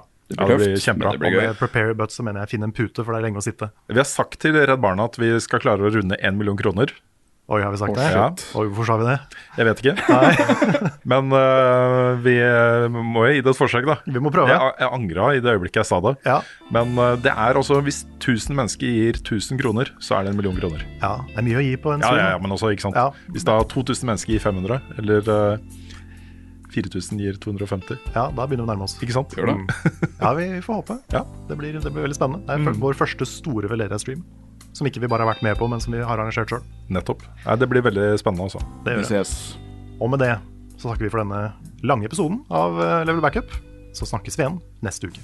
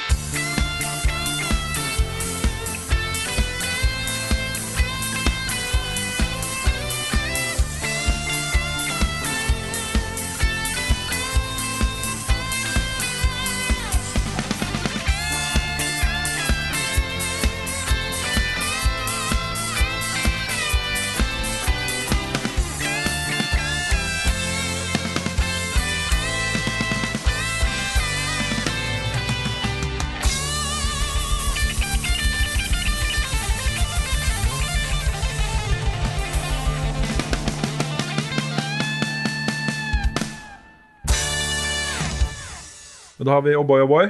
Da har vi O'boy O'boy. Det, er- det er sikkert lov å komme med deres hvis dere har noe dere gleder dere til. Hva er Ja, O'boy hva er O'boy? jeg- Hva er O'boy O'boy for noe? Har du et enkeltpersonforetak eller en liten bedrift? Da er du sikkert lei av å høre meg snakke om hvor enkelt det er med kvitteringer og bilag i fiken, så vi eh, gir oss her, vi. Fordi vi liker enkelt. Fiken superenkelt regnskap.